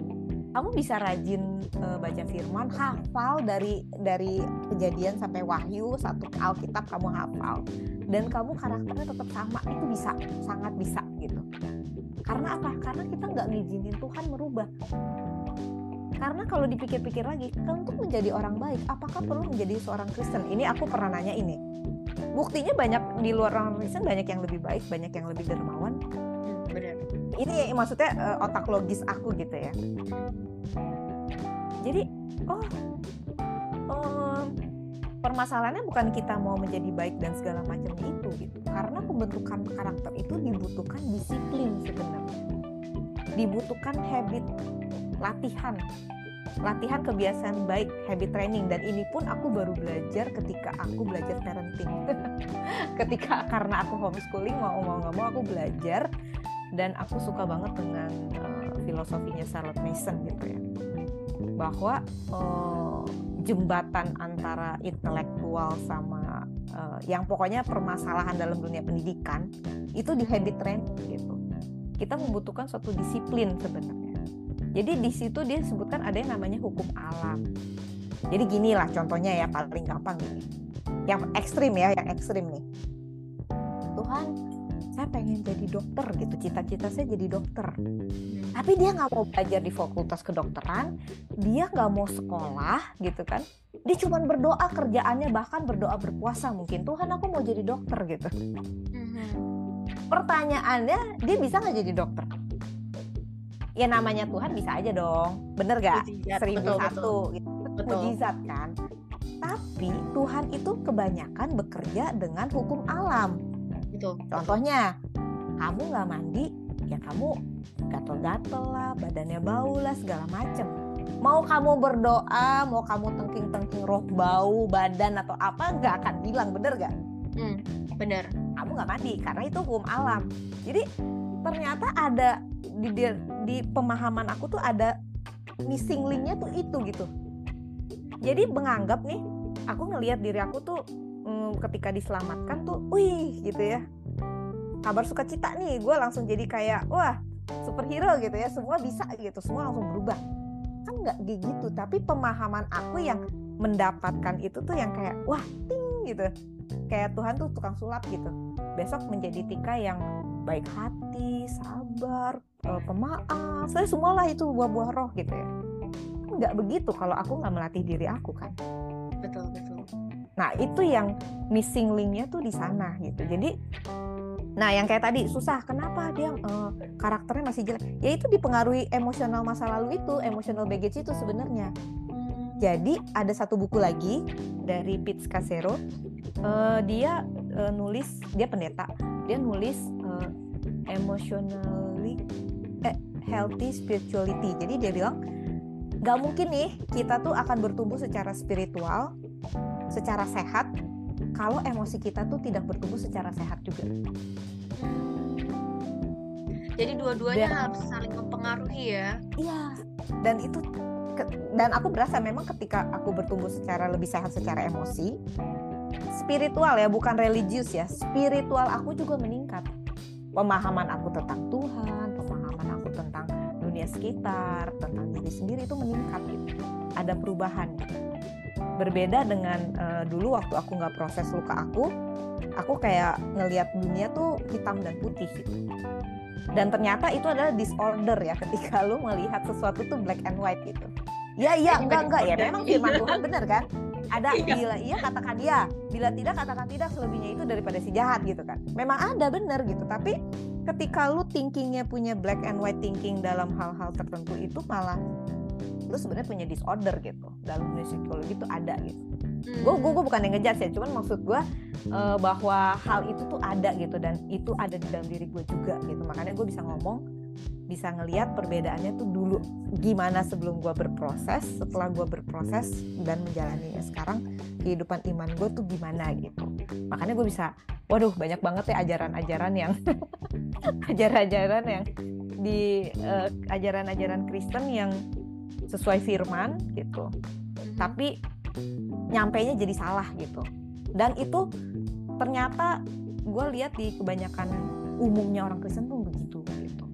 Pemahaman yang ajaran yang sama ya misalnya contohnya uh, apa tuh yang di Filipi? Filipi berapa dulu Filipi 3 ayat 13 Aku melupakan apa yang telah di belakang aku ya kan? Dan mengejar nah ini sering yang udah lupain aja masa lalu lu. Maju terus dalam Tuhan. Itu kan udah masa lalu lu luka-luka udah lu jangan mental apa korban apa? Victim korban masa mentality. Oh. Ya, yeah, victim mentality gitu, punya mentalitas korban katanya gitu kan. Lupakan yang telah lalu gitu kan. Dipakai ayat itu tuh. Dulu ya gue merasa nggak divalidasi dong. Maksudnya ya ini gimana nih? Masalahnya, prosesnya gimana gitu kan. Masalahnya kan udah muncul nih kekesalan apa segala macamnya gitu. Nggak diterima ditolak segala macam terus firmannya begini jembatannya apa? Kan nggak ada gitu loh. Nggak diajarin cuman udah pokoknya confess firman gitu kan. Nah saya setelah ini oh ternyata konteksnya itu Rasul Paulus kan dulu backgroundnya hmm, apa tuh namanya bunuhin orang Kristen kan? Maksudnya orang yeah. percaya pengikut Yesus kan? Betul betul. Nah ini kan aku melupakan apa yang di belakangan kalau menurut aku tuh lebih kayak ke dosa masa lalu. Misalnya dulu uh, dia uh, apa tuh namanya? Membunuh dia misalnya orang-orang lah memungut bea cukai lah apalah. Itu bener itu dilupakan dosa masa lalu karena iblis akan inget-ingetin kita kan. Oh dulu kan lu pembunuh dulu kan ini lu ini gitu kan. Nah ini bener. gitu kan, nah ini bener gitu. Ini bener lupakan backgroundnya kita dulu nih gitu kan yang jelek-jelek gitu kan. Tapi kalau masalah kayak lu ditolak lu merasa sedih itu bukan untuk dilupakan tapi itu untuk diproses gitu loh karena bagaimanapun ketika lu merasa tertolak tuh nggak bisa lupa rasanya tuh gimana. Bahkan mungkin kejadiannya waktu lu umur 4 tahun. Tapi ketika inget lagi nih sekarang lu bisa mungkin nangis atau marahnya tuh kayak umur 4 tahun tuh bisa gitu. Jadi memang memori itu nggak bisa hilang. Jadi justru itu harus diproses. Karena waktu anak kecil mengalami uh, hal yang gak enak itu kan pemahaman dia apa nih persepsinya? Kan anak kecil kan nah sekarang yang kita dewasa kan pasti misal contohnya kayak gini. Oh orang tua saya dulu uh, nggak nggak nggak apa ya maksudnya nggak ngurusin saya karena dia sibuk cari duit buat kebaikan saya. Itu kita yang dewasa nih bener gak benar-benar biar bisa gue bisa makan gue bisa sekolah gitu. Tapi masalahnya waktu kamu kecil umur 4 tahun lima tahun bisa nggak mikir begitu? Kan nggak bisa. Yang taunya apa? Orang tua nggak sayang. Ini yang terbentuk ya. Orang tua nggak sayang saya. Saya nggak layak dikasihi gitu ya. Saya nggak berharga. Buktinya orang tua saya nggak ngurusin saya. Saya sendirian. Kayak gitu kayak gitu kan buktinya saya suka dimarahin misalnya kayak gitu kan. Itu kan persepsi si anak. Nah ketika nggak ada bonding kan orang tua nggak bisa ngelurusin pikiran si anak kan. Anak kan nggak ngomong mama jahat eh, nggak nggak sa- main nggak mau main sama saya nggak mau apa. Kan nggak ngomong per permasalahannya. Kalau si anak ngomong mungkin orang tuanya bisa meluruskan. Nah dia udah mempunyai bentuk pemikiran pandangan yang salah mengenai dirinya dan dunia di sekitar dia ke bawah lah sampai gede nah pemahaman ini kan namanya false belief ya. Mm-mm. pemahaman yang keliru gitu kan. Ya dia akan melihat dirinya oh saya nggak disayang saya nggak layak. Eh ada kejadian-kejadian yang dia ditinggalin teman dia diputusin pacarnya atau apa. Itu kan akan membuktikan tuh kan bener ya gua nggak layak disayang gua nggak layak disayang gua nggak berharga. Itu kan makin makin kan gitu kan. Nah ini yang maksudnya saya eh, bukan melupakan tapi harus diproses nah ini ayat yang salah digunakan gitu tentang trauma masa lalu udah lupain aja bukan gitu Wow. Nah ini yang maksud saya ayatnya salah dicomot gitu. Iya, jadi dia menyamaratakan untuk satu case ayatnya tuh uh, sebenarnya untuk case yang mana, tapi dihajar sama rata gitu kan ya. Hmm, Nah akhirnya saya yang mengalami kayak gini kan jadi bingung ya. Loh ada firman ngomongnya begini, tapi saya begini kan akhirnya sayanya nggak pulih malah makin saya harus melupakan iya melupakan tapi saya nggak bisa bisa lupa gitu kan saya nggak bisa melupakan akhirnya bingung konflik batin kan Bener, makin bener, kacau bener, bener, bener. Tapi aku ada baca Ci di satu buku nih, uh, Hmm. dia ngomong tentang kita kan punya free will emang kan. Hmm. Kalau misalnya kita tuh uh, kayak susah banget maafin orang, kita tuh cuman cukup ngomong terus aja. Kan Tuhan Yesus ada tulis tuh katanya kalau misalnya orang saudaramu melukai kamu, berapa banyak kamu harus maafkan kan? Hmm. 70 kali eh Kali 7 kali, tujuh tujuh- kali Iya ya, pokoknya 7 kali 7 kali mungkin gitu kan. pokoknya banyak ya tak terbatas itu Nah, terus untuk kan satu kasus loh Iya, untuk satu kasus loh iya benar untuk satu kasus. Terus eh, aku tuh aku tuh malah mikir dulu ya waktu aku sebelum baca buku tuh. Aku tuh malah mikir jadi oh, jadi kalau misalnya ada orang nih, saudara lu nih, jahat sama lu gitu kan. Itu kan udah tahu itu perbuatan tidak baik, berarti kan kita mikirnya jahat kan. Terus eh, ya udah kita tetap baikin dia, tetap baikin dia. Eh dia malah tetap memperlakukan yang sama gitu kan, jahat lagi, jahat lagi, jahat lagi. Ya udah kita berarti kan 70 kali 7 kali kan. Ya udah dia jahat nggak apa-apa, gue tetap baikin lu, baikin lu gitu kan. Tapi sebenarnya dalam hati tuh ngedendam gitu kayak dendam, dendam, Ah. dendam. awas Tapi- awas Iya kan, tapi tetap kayak ngasih ngasih ngasih, tapi dendam dendam dendam gitu kan. Tapi lama-lama tuh kan kayak kayak sebenarnya kita tuh nggak maafin aslinya, cuman Mm-mm, mm-mm, uh, tetap jadi tetap Mendem. dendam kan, mendem. Tapi nggak kok kan gue harus maafin dulu gitu kan, harus maafin Mm-mm. terus gitu kan. Jadi si ayat ini tuh kata si buku itu gitu kan, gue lupa bukunya apa. Tapi Mm. uh, dianggapnya tuh malah yang kayak gitu. Jadi kayak dia nggak apa-apa jahat sama lu, tapi yang penting lu baik, lu baik, maafin, maafin. Bukan itu maksudnya kata dia. Ya kalau misalnya dia kesalahannya sama ya udah aku maafin kamu, aku maafin kamu kayak gitu. Sampai ketika kamu ketemu dia yang Cici bilang tadi empati. Oh iya, kayaknya nggak mudah ya jadi kamu mesti kayak Hmm. gitu. Mungkin bukan Hmm. gua doang yang disakiti, mungkin ada di belakang-belakang dia yang tersakiti Hmm. tapi nggak nyadar gitu kan atau mungkin malah udah renggang gitu gitu menurut Cici gimana setuju nggak sama ayat itu prakteknya begitu Ya makanya yang tadi gue bilang ya case by case juga gitu ya tergantung permasalahannya apa. Kalau gue sih kalau mau menerangkan ini tuh kayak selalu ngambilnya kasus ekstrim. kalau cuman nyubit ya udahlah gue maafin bener gak ya, coba iya. kalau kasusnya pembunuhan pelecehan. Susah bener banget. gak itu kan kasus ekstrim kan? Hmm, susah banget itu. Gue sih nggak tega. Gue sih nggak gue jujur ya pikiran gue gue gak akan tega kalau ada di depan korban nih gue ngomong lu maafin aja pelaku lu. Aduh. Eh, nggak nggak nggak berani itu gue nggak gue lebih sadis dari pelaku menurut gue gitu loh. Nggak berani. itu aku juga pasti nggak akan berani ngomong sih Ci. karena jadi kayak gitu. Susah lah. Susah banget ya jadi makanya kalau kasus pemaafan itu makanya harus ngambil kasus ek- ekstrim. Baru kita bisa mikir hmm gimana ya tuh? Gitu kan. Kalau cuman cubit mah ya udahlah nggak apa-apa gitu kan. Betul betul. Kalau cuman diambil makanannya jatahnya ya udah nggak apa-apa. Bener gak dengan Betul. gampangnya gitu ya aku memaafkan kamu. Tapi kalau kasus-kasus yang berat gimana? Makanya itu ada kasih karunia Tuhan kan? Benar tetap Itu ada kasih karunia benar. Tuhan. kayak aku sama kamu kayak gini gitu memproses luka masa lalu apa gitu kan. Ya dipulihin aja sama Tuhan dengan kekuatan doa temennya itu dan mungkin ya doanya dia juga gitu ya. Jadi apa yang mau gue katain di sini tuh bahwa eh, memang ada kejadian-kejadian gitu oh gue nggak usah proses Tuhan pulihkan ada gitu kan tapi dengan berproses begini akhirnya Tuhan pulihkan ya kita semakin mengenal Tuhan pribadi Tuhan tuh seperti apa ada gitu. Jadi memang nggak ada oh cara yang paling bener tuh apa? Ya nggak ada juga gitu. Benar. Ya balik-balik lagi sih ke ke ke hubungan kita sama Tuhan itu yang personal ya. Jadi nggak dengan aku share begini pun juga bukan oh berarti semua orang akan mengalami kayak aku nih prosesnya gitu. Harus diterapi gitu. Enggak gitu. Cuman kalau kamu menjalani terapi itu akan memberikan manfaat buat jiwa kamu gitu. Dan di Betul. situ pun sebagai alat Tuhan untuk memulihkan kamu kan karena banyak kejadian dalam terapiku itu eh, psikolog aku tuh sampai yang kayak wow wow gitu. Mungkin aku nggak tahu sih mungkin maksudnya eh, kok bisa gini ya mungkin mungkin ya gitu kan.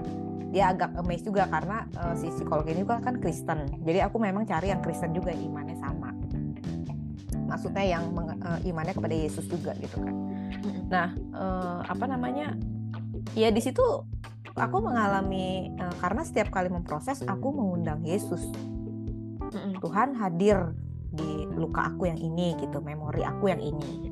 Ya Mm. Tuhan hadir Tuhan tunjukin eh, posisi Tuhan di mana gitu pada saat itu. Jadi itu namanya kesembuhan memori ya. Jadi kalau aku inget kejadian eh, trauma itu lagi maksudnya kejadian yang itu aku melihat ada Yesus. Tadinya tuh kalau sebelum diproses aku nggak ngelihat ada Yesus gitu. Mm. tapi ketika dalam proses itu aku mengundang Yesus hadir, Yesus hadir dan aku bisa melihat posisi Yesus itu di mana lagi ngebelai aku, lagi meluk aku gitu. Jadi itu balik-balik lagi jadi personal ya. Maksudnya ke sebuah memori yang personal dengan hubungan aku dengan Tuhan gitu. Itu sih yang yang eh, dari pembicaraan ini yang kenapa oh ha, harus proses atau enggak ya itu lebih baik-baik lagi nggak ada cara yang benar Fix. gitu maksudnya paling benar gitu ya betul betul.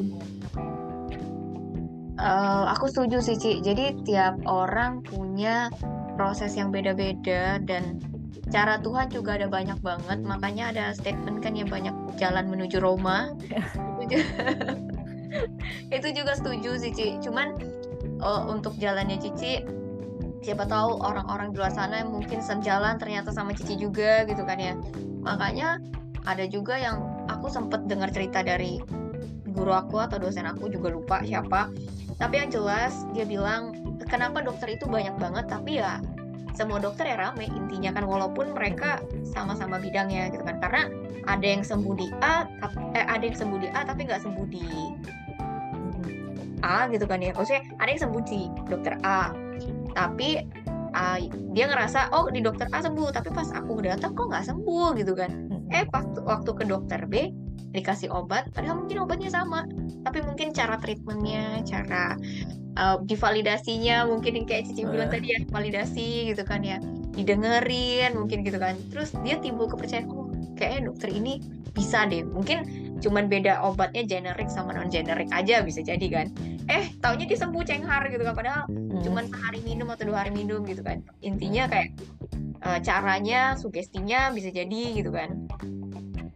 Jadi eh, kita juga di sini buat sharing aja siapa tahu ada yang butuh atau bingung bisa tanya ke Ci Kartika langsung. Kalau mau tanya ke mana Ci? Uh, ke ini. Di buku ini aku ada email ya. artikahartono.t at gmail.com Oke, okay. atau uh, selain email ke mana lagi sih? Biasanya sih lewat email ya. Oke, okay. email ya. Oke, okay, uh, siap atau IG ya. email IG. atau IG. Nah, saran Cici nih untuk teman-teman di luar sana mau yang masih muda, yang masih labil atau yang sudah berusia, yang bahkan mungkin udah jadi parents tapi masih struggling sama emosi yang di mana para parents yang tahu lah ibarat kata apa sih emosi yang di strugglingin sama cici apa nih kira-kira? Ada Uh, iya kalau kalau saran dari saya sih belajar mengakui ya gitu. Karena sulit banget sih kalau yang mengakui itu dari pengalaman saya tuh mengakui itu sulit gitu enggak kok saya nggak marah. Enggak kok saya nggak punya masalah ini gitu kan. Belajar mengakui gitu di hadapan Tuhan di hadapan uh, manusia gitu. Maksudnya orang ada temen mungkin atau gembala atau konselor atau psikolog gitu yang kita percaya yang uh, bisa memahami gitu. Kalau saya pribadi saya memilih psikolog. Karena uh, psikolog itu kan ibaratnya orang yang benar-benar nggak tahu kita nih. Mungkin kalau kalau gembala kita atau teman kita kan tahu kita jadi kayak bias juga gitu. Kalau konselor kan nggak tahu dan profesional kan. Hmm. dan dia pun akan mendengarkan dengan uh, ya maksudnya ya benar-benar dengan il ilmunya dipakai gitu. Mendengarkan dengan empati tanpa judgement. Jadi kita juga merasa aman kan. Jadi untuk pulih pun itu membutuhkan sebenarnya rasa aman. gitu jadi butuh juga komunitas yang bisa menerima kita benar-benar apa adanya tanpa judgement gitu ketika kita lagi low, ketika lagi high gitu. Maksudnya lagi dalam posisi uh, tertinggi kita, terendah kita gitu uh, komunitas kita bisa menerima kita benar-benar apa adanya gitu. Nah, itu butuh support system ya gitu komunitas dan di situ kita bisa semakin dipulihkan karena ada tempat yang aman. Jadi kalau uh, bagi orang tua juga terutama tuh uh, banyak banget sih. Justru aku banyak diproses kenapa ketika aku udah punya anak gitu. Karena uh, anak itu kayak cermin ya.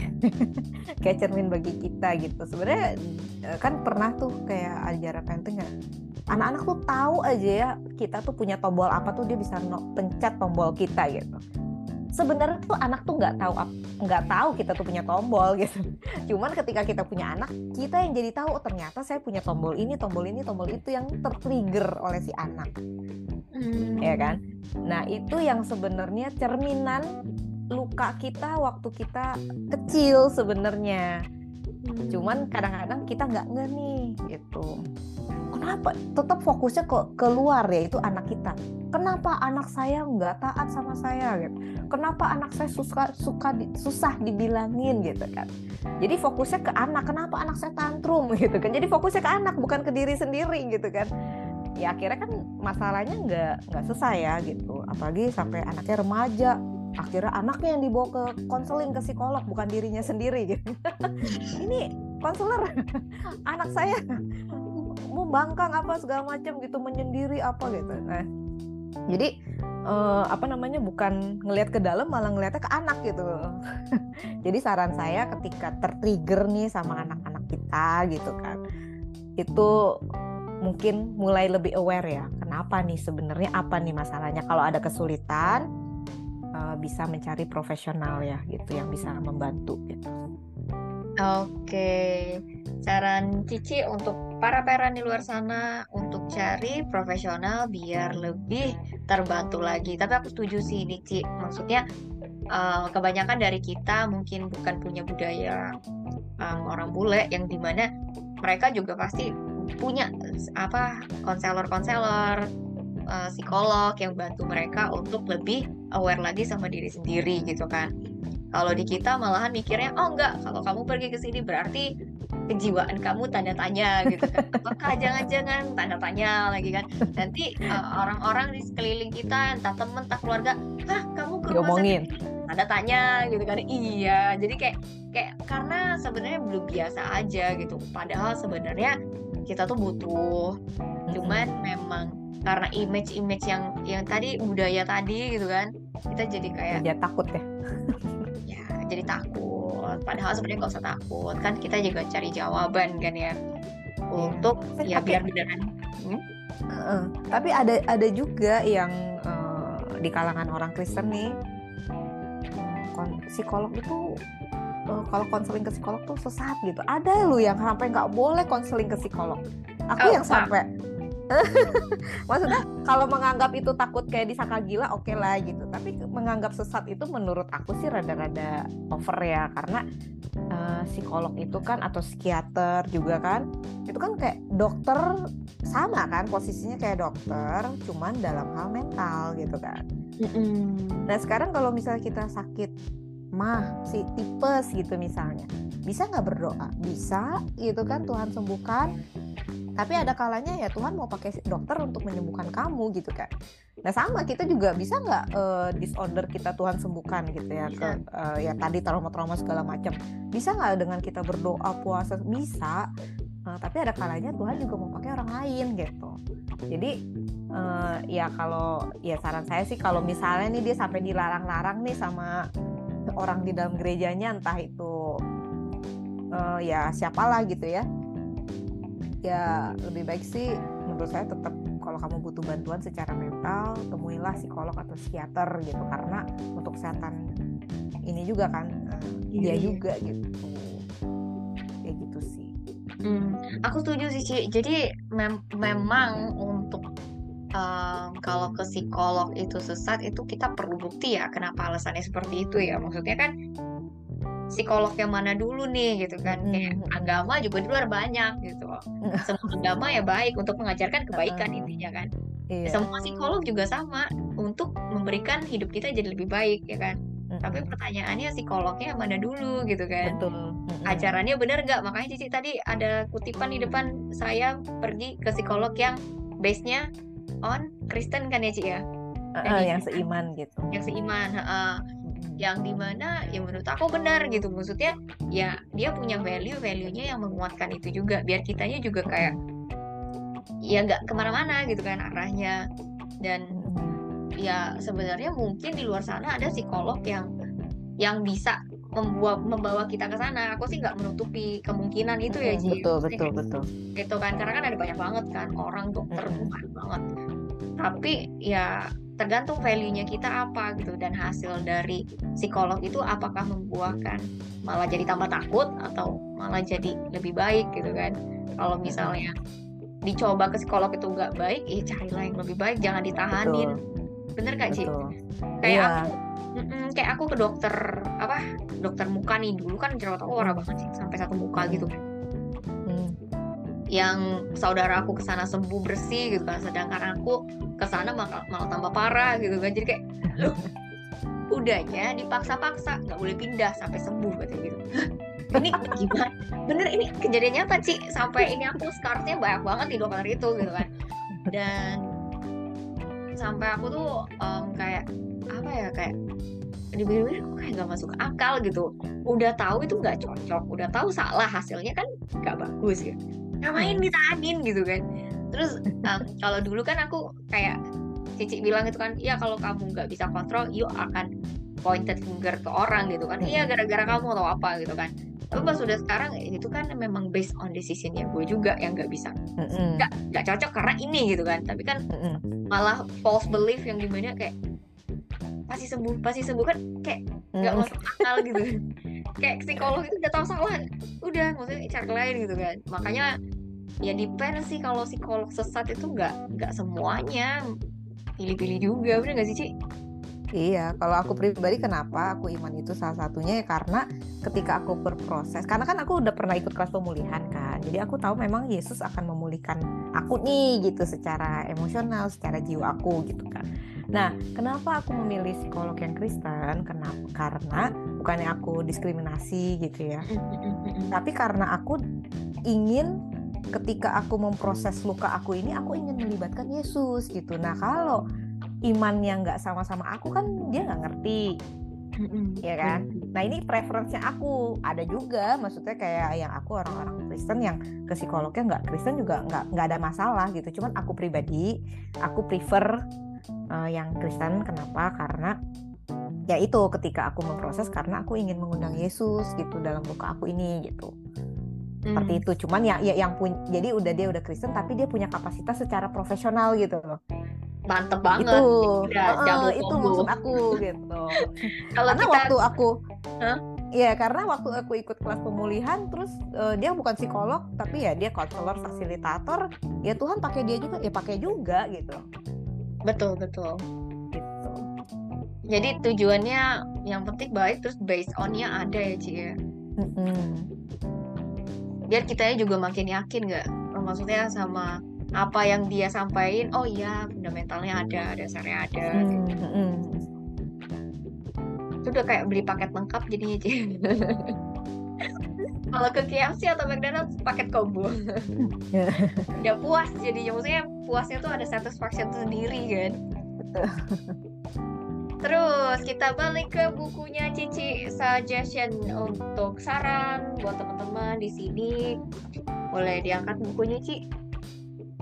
Uh, um, ya ini buku yang di mana teman-teman bisa dapetin di mana Ci?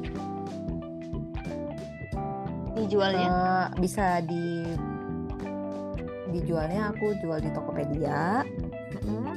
di iklik shop atau juga bisa DM ke aku pribadi Oke, nanti linknya aku cantumin ya Ci ya di apa namanya Boleh. caption. Terus um, dari aku sih Ci, ini aku yang udah baca ini Finding God in My Vulnerability itu pertama aku ngerasain banget kalau misalnya hidup itu tuh pasti ada yang namanya kita tuh kayak rapuh.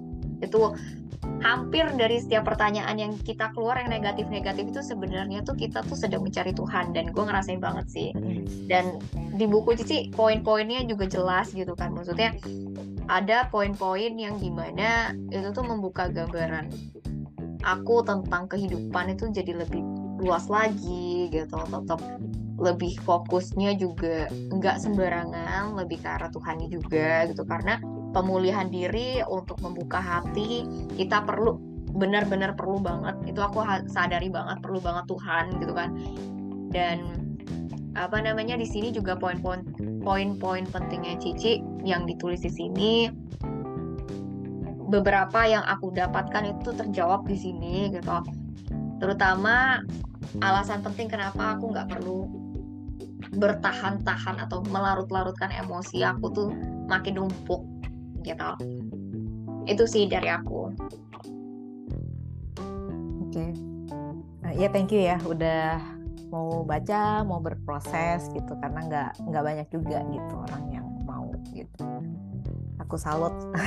thank you lebih salut lagi dulu. sama Cici lebih salut lagi sama Cici yang udah 20 tahun tambah tiga tahun tambah tiga minggu wow itu tuh aku kayak wow sampai keren lah aku mesti banyak belajar nih kayak sama Ci Kartika Iya, Kalau aku juga sampai sekarang kan masih belajar.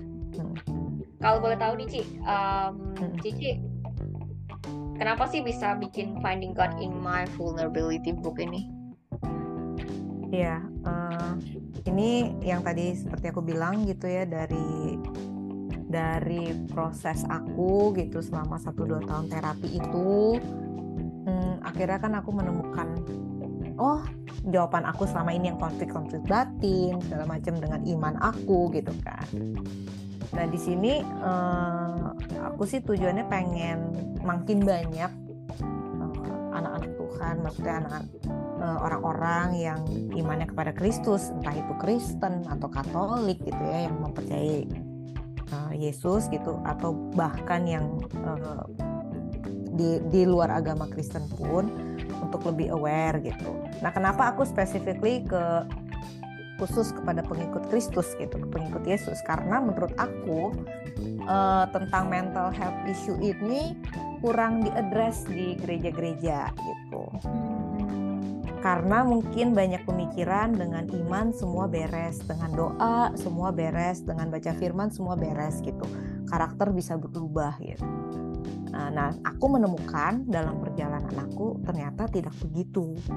Ternyata banyak hal yang mempengaruhi uh, untuk karakter kita berubah. Nggak cukup tuh cuman uh, apa doa, puasa, rajin melayani, rajin baca Alkitab. Itu nggak bikin kita tambah empati juga sama diri kita sendiri gitu kan. Jadi uh, menurut aku nulis ini biar semakin banyak orang uh, Kristen atau Katolik gitu ya yang imannya kepada Kristus semakin aware gitu bahwa oh ya saya punya uh, saya begini nih punya pertanyaan seperti ini. Saya punya isu kemarahan saya punya isu uh, apalagi rasa tertolak. Itu adalah hal yang wajar sebagai manusia gitu dan Tuhan mau memulihkan saya. Dan Yesus peduli nih sama kondisi mental saya nih dibanding dengan apa yang saya lakukan buat Tuhan. Misalnya pelayanan saya udah hebat nih, tapi saya punya isu ini yang ibaratnya sisi gelap lah ya, sisi gelap yang nggak pengen diketahui nama orang. Kita punya masalah ini, uh, kita nggak karena kayaknya malu gitu ya kayak udah udah pelayanan udah ikut Tuhan 20 tahun atau 30 tahun gitu ya tapi masalah ini nggak beres-beres gitu kan. Masalah karakter atau apa gitu. Nah ini saya pengen address gitu bahwa it's okay gitu bahwa kita kan manusia Tuhan kan menciptakan kita kan tubuh jiwa roh hmm. jadi waktu Tuhan uh, apa waktu kita menerima Yesus sebagai juru selamat itu kan roh kita sempurna roh kita sempurna gitu kan hmm. Hmm. tapi jiwa kita itu masih butuh dipulihkan oleh Tuhan dan kita harus mengizinkan kan nah itu yang proses kan nah ini saya mau uh, pengen address gitu bahwa ketika kamu punya masalah kemarahan, masalah uh, apa tuh behavior yang maksudnya uh, kelakuan-kelakuan karakter-karakter yang menyimpang gitu itu eh, nggak uh, usah malu tapi bawa ke Tuhan gitu bawa kepada terang Tuhan kalau memang butuh bantuan ya cari bantuan it's okay itu nggak sesat gitu loh dan uh, apa jadi semakin pulih se sehingga apa yang kita tahu mengenai firman Tuhan di pikiran kita, di otak kita, itu sinkron sama tindakan kita, sama hati kita. Kita nggak ngomong firman A, tapi kelakuan kita B gitu loh. Tapi belajar bagaimana mensinkronkan apa yang sudah kita tahu dan melakukan kebenaran. Dan itu kan susah tuh ketika melakukan kebenaran. Kita tetap butuh Tuhan kasih karunia.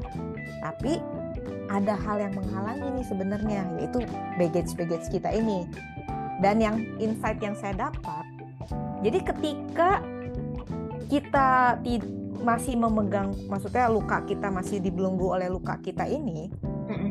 iblis tuh bisa memakai itu sebagai celah ya itu tadi contohnya uh, udah pelayanan hebat tahu-tahu dia uh, apa namanya selingkuh gitu loh ya itu kan celah kan sebenarnya dia punya masalah nih masalah ya mungkin keberhargaan diri atau apa gitu. Nah, iblis bisa pakai nih untuk menjatuhkan dia. Nah, hmm. kalau kita sudah berproses, paling enggak isu itu tuh sudah tidak menguasai kita kan? Sudah dibebaskan gitu kan.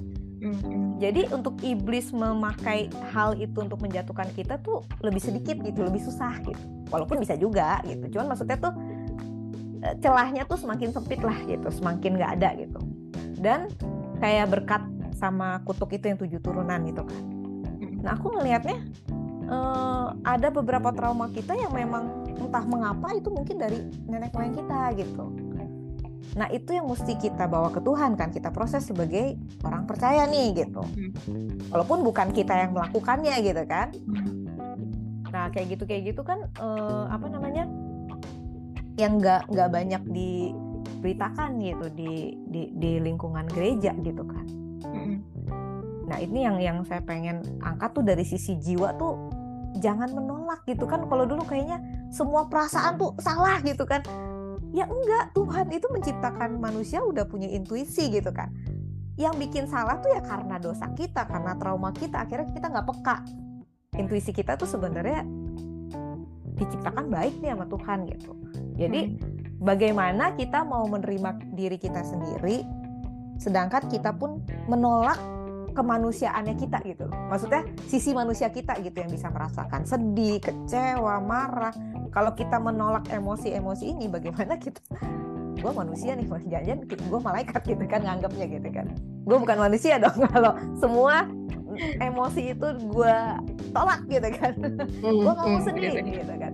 Padahal kan ya sedih kenapa? Ya wajar gitu kan. Kenapa sedih? Nggak boleh gitu kan. Hmm. Kayak gitu gitu. Yang kayak ada bersuka cita lah senantiasa gitu kan. Jadi ketika kita lagi sedih kita ingat firman itu kita bersuka cita. Jadi prosesnya salah gitu. Akhirnya menumpuk si rasa sedih itu kan dipendem bukannya. Setelah kita mengakui kita berproses baru di eh, apa namanya baru kita mengafirmasi kebenaran firman gitu kan. Mm. Jadi yang yang paling tahu tuh diri kita sama Tuhan sih sebenarnya kondisi kita tuh gimana gitu. Apakah benar-benar nih kita lagi bis, sudah bisa bersuka cita atau kita masih berpura-pura bersuka cita? Bersuka cita. Gitu. Wow, deep banget sih, dalam banget. Ya, kayak gitu. Jadi tujuan aku nulis buku tuh biar bangkit banyak uh, yang aware gitu ya bahwa hal-hal kejiwaan ini tuh normal dan memang pasti setiap orang sebenarnya mengalami itu dan Tuhan mau memulihkan. Itu sih yang paling penting ya. Jadi proses jalanin aja gitu.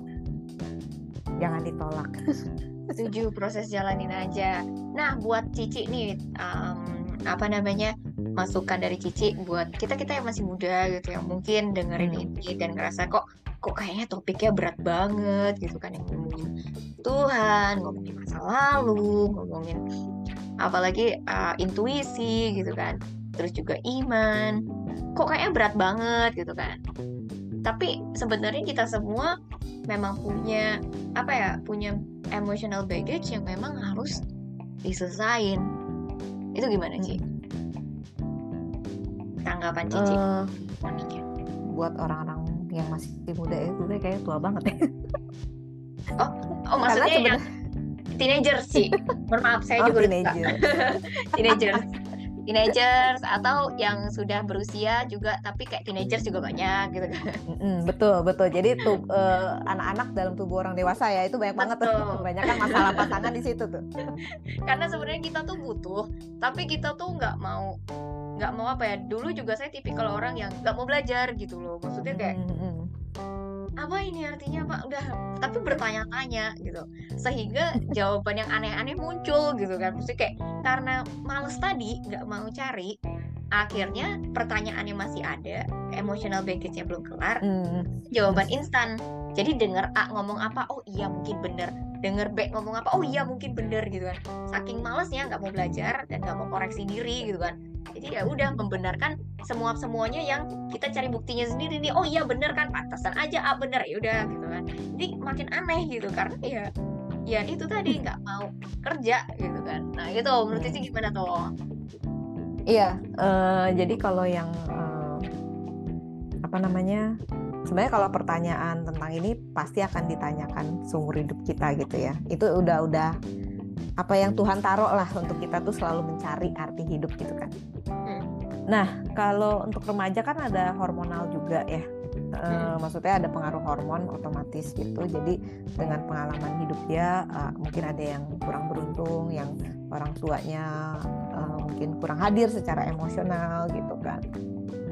Uh, itu sih saya cuma mau bilang bahwa uh, Tuhan tuh sayang sama kalian gitu Nah, sebisa mungkin uh, cari profesional atau uh, mungkin komunitas di gereja gitu di komsel yang bisa dipercaya untuk sharing ya. Karena itu butuh butuh sekali untuk kita membicarakan apa yang kita rasakan ke orang yang kita percaya sebenarnya. Dan uh, karena semua orang kan butuh didengar butuh dilihat gitu kan Nah itu penting, apalagi dalam usia remaja kan lagi pencarian jati diri nih. Jangan sampai disimpan sendiri, jangan sampai di, di, dipendem. Tapi cari bantuan uh, di, di, di, di komunitas yang sehat tadi ya. Gitu. Terus kalau yang sudah berumur, gitu, memang akan lebih sulit karena kan itu sudah terbentuk berpuluh-puluh tahun gitu. Tapi uh, selama kita mau, saya yakin sih nggak ada yang mustahil ya memang tidak akan mudah dan tidak akan cepat proses nggak ada yang instan gitu. Tapi ketika kita mau dengan kasih karunia Tuhan itu pasti bisa gitu. dan sabar aja terhadap prosesnya karena nggak akan nggak akan terjadi dalam semalam atau setahun gitu. Bertahun-tahun gitu. Tapi akan yang itu yang aku lihat jadi kayak semakin disempurnakan seperti Kristus tuh ya seperti ini ketika kita berproses terus dan terus gitu ya dan akhirnya firman Tuhan yang tadinya sulit untuk kita taati jadi lebih mudah gitu. Jadi lebih apa ya ngeflow aja gitu. Hubungan kita sama Tuhan juga kan aku kadang merasa Tuhan kok kayak jauh gitu ya. Hmm. padahal Tuhan kan nggak pernah jauh ya tapi rasanya jauh aja gitu. Nah ini berhubungan dengan trauma aku eh, dalam pola pengasuhan kan. Karena tadi nggak deket sama orang tua jadi aku ngelihat uh, ayah aku tuh seperti Tuhan gitu loh. Tuhan tuh seperti ayah aku gitu. Oh dia nggak peduli. Padahal Tuhan bilang dia akan memelihara hidup aku kan. Mm-hmm. tapi aku nggak bisa. Kadang aku percaya tapi deep down tuh aku ngomong nih aku percaya. Tapi deep down tuh aku nggak percaya gitu sebenarnya. Mm. itu tuh bener-bener kerasa gitu bedanya. Dan ketika aku mau bilang percaya tapi di dalam diri aku ada aku nggak percaya. Akhirnya aku bilang Tuhan aku nggak bisa percaya gitu. Tuhan aku nggak bisa percaya kalau engkau akan memelihara hidup aku gitu. Nah Tuhan iketin kenapa aku nggak bisa percaya? Ya karena waktu pengalaman hidup aku ketika aku minta sesuatu papa tuh seingat aku ya nggak pernah ngasih. Kalau yang aku minta ya bukan aku disekolahin gitu enggak tapi aku minta apa gitu misal mainan atau apa ya biasa anak-anak gitu ya. Nggak pernah dikasih selama aku minta apa gitu. Loh yang yang yang sesuatu yang aku pengen ya aku inget gitu ya. Nah itu tuh ya jadi aku nggak berani minta sama Tuhan karena cuma minta doang. Kata Tuhan minta. Aku bilang aku nggak bisa minta. Minta doang minta doang. Aku nggak bisa karena pikiran aku tuh ah udah pasti aku gak akan dapet deh. Nah itu tuh Tuhan proses aku sampai aku bisa percaya sama dia ada kejadian-kejadian dalam hidup aku yang Tuhan tunjukin dia tahu keinginan hatiku dan dia memberikannya hal-hal sepele gitu. Jadi dalam kejadian itu tuh aku jadi kayak belajar mempercayai oh Tuhan itu hubungan personal ya. Maksudnya oh ya Tuhan bisa gue percaya. Oh Tuhan akan kasih. Itu kan kejadian yang personal gitu. Nah Tuhan tuh bisa memproses kita tuh seperti itu gitu jadi sebenarnya topik yang kita ini bahas berat apa enggak nih, mungkin berat, mungkin ada yang ke-trigger ya kan. Beratnya mungkin di sana ya gitu. Karena memang ketika kita mengalami trauma, trauma itu nggak harus sesuatu yang kejadian yang dahsyat ya, yang besar gitu ya, tapi hal kecil misalnya ah masa gitu aja nggak bisa? Nah itu tuh bisa jadi trauma bagi kita uh, kita merasa dipermalukan oleh orang tua kita atau teman kita gitu. Nah jadi ketika kita mengalami trauma, which is yang mana semua orang pasti akan mengalaminya, itu akan ada di otak kita nih di sistem otak kita tuh ada missing link gitu yang uh, jadi ngelihat segala sesuatu seperti yang berat lah apalah segala macam nah ini yang uh, dibilang berat ya, ya memang berat. Ya benar karena analisis diri nggak mungkin gampang. Nah, dan bukan masalah berat sih masalahnya nggak mau. Kita tuh iya, nggak mau. nggak enak kan nggak enak. Karena orang manusia tuh cenderung pengennya enak kan. Jadi kalau sesuatu yang nggak enak dia udah deh ngehindar. Nah karena ya itu tadi trauma respon kita lagi. Kalau nggak ada yang enak kita kabur. Nggak ada yang enak kita kabur. Udah nggak usah dipikirin lah. Hidup dibawa santai aja dibawa happy aja gitu kan. Tapi sebenarnya ada masalah nih gitu. Dan dia nggak mau ngakuin gitu kan. Nah kayak gitu sebenarnya sih eh, lebih ke sana ya gitu. Lebih karena ada problem sudah terbiasa menghindar. Akhirnya ngedengar topik kayak gini aduh kayaknya ini berat banget nih. Kayak gue nggak sanggup. Ya nggak apa-apa juga kalau memang memang topik ini akan ada beberapa orang yang tertrigger ya gitu. Tertrigger yang mungkin jadi nggak karu-karuan gitu. Bisa. Jadi ini ada trigger warning nih sebenarnya di depan. Karena kan pola pengasuhan kita kan budayanya sama kan. Banyak kan uh, orang tua sibuk bekerja kan gitu. nah takutnya kan ada kejadian yang kayak gimana gimana dia teringat lagi gitu. bener-bener Ci. Oke Ci. Um, Kartika thank you so much udah hadir di sini sudah berbagi dengan hal yang luar biasa banget cerita panjang di mana ini bermanfaat buat kita siapa pun yang punya emotional baggage. Setiap orang ya menurut gue kayaknya. Termasuk gue sendiri juga masih proses. Kadang kalau misalnya gue ngerasa kayak nggak um, berdoa aja cuti aja berdoa seminggu aja gitu kan udah nggak karuan deh. Semua yang jelek-jelek tuh kayaknya ya marah lah ya dengki lah benci lah males lah semua keluar gitu kan tapi uh. itu, itu bener ya Cici setuju gak? iya iya iya jadi kayak dan, dan, bahkan uh, yang paling berasa banget ya hubungan sama Tuhan tuh ya ini karena bahkan ketika dulu nih aku pelayanan mm-hmm. itu ternyata untuk menyenangkan hati Tuhan ngerti nggak untuk penerimaan Tuhan secara aku nggak sadar mm-hmm. biar aku tuh diterima Tuhan gitu. Ini semua di alam bawah sadar ya? Aku nggak sadar ketika melakukan itu gitu. Tapi kalau aku review lagi sekarang iya banyak hal yang aku lakukan buat Tuhan tuh kesannya untuk Tuhan untuk Tuhan. Tapi sebenarnya ada trauma respon aku di sana di mana sebenarnya aku pengen pengakuan dari Tuhan. Jadi ketika aku nggak pelayanan tuh kayaknya nggak enak sampai aku mendapat peneguhan dari Tuhan kamu nggak ngapa-ngapain aja kan ibaratnya kamu diem aja nih. Aku sayang kamu aku terima kamu. Coba aku nerima kayak gitu gimana? Nggak nangis gitu kan?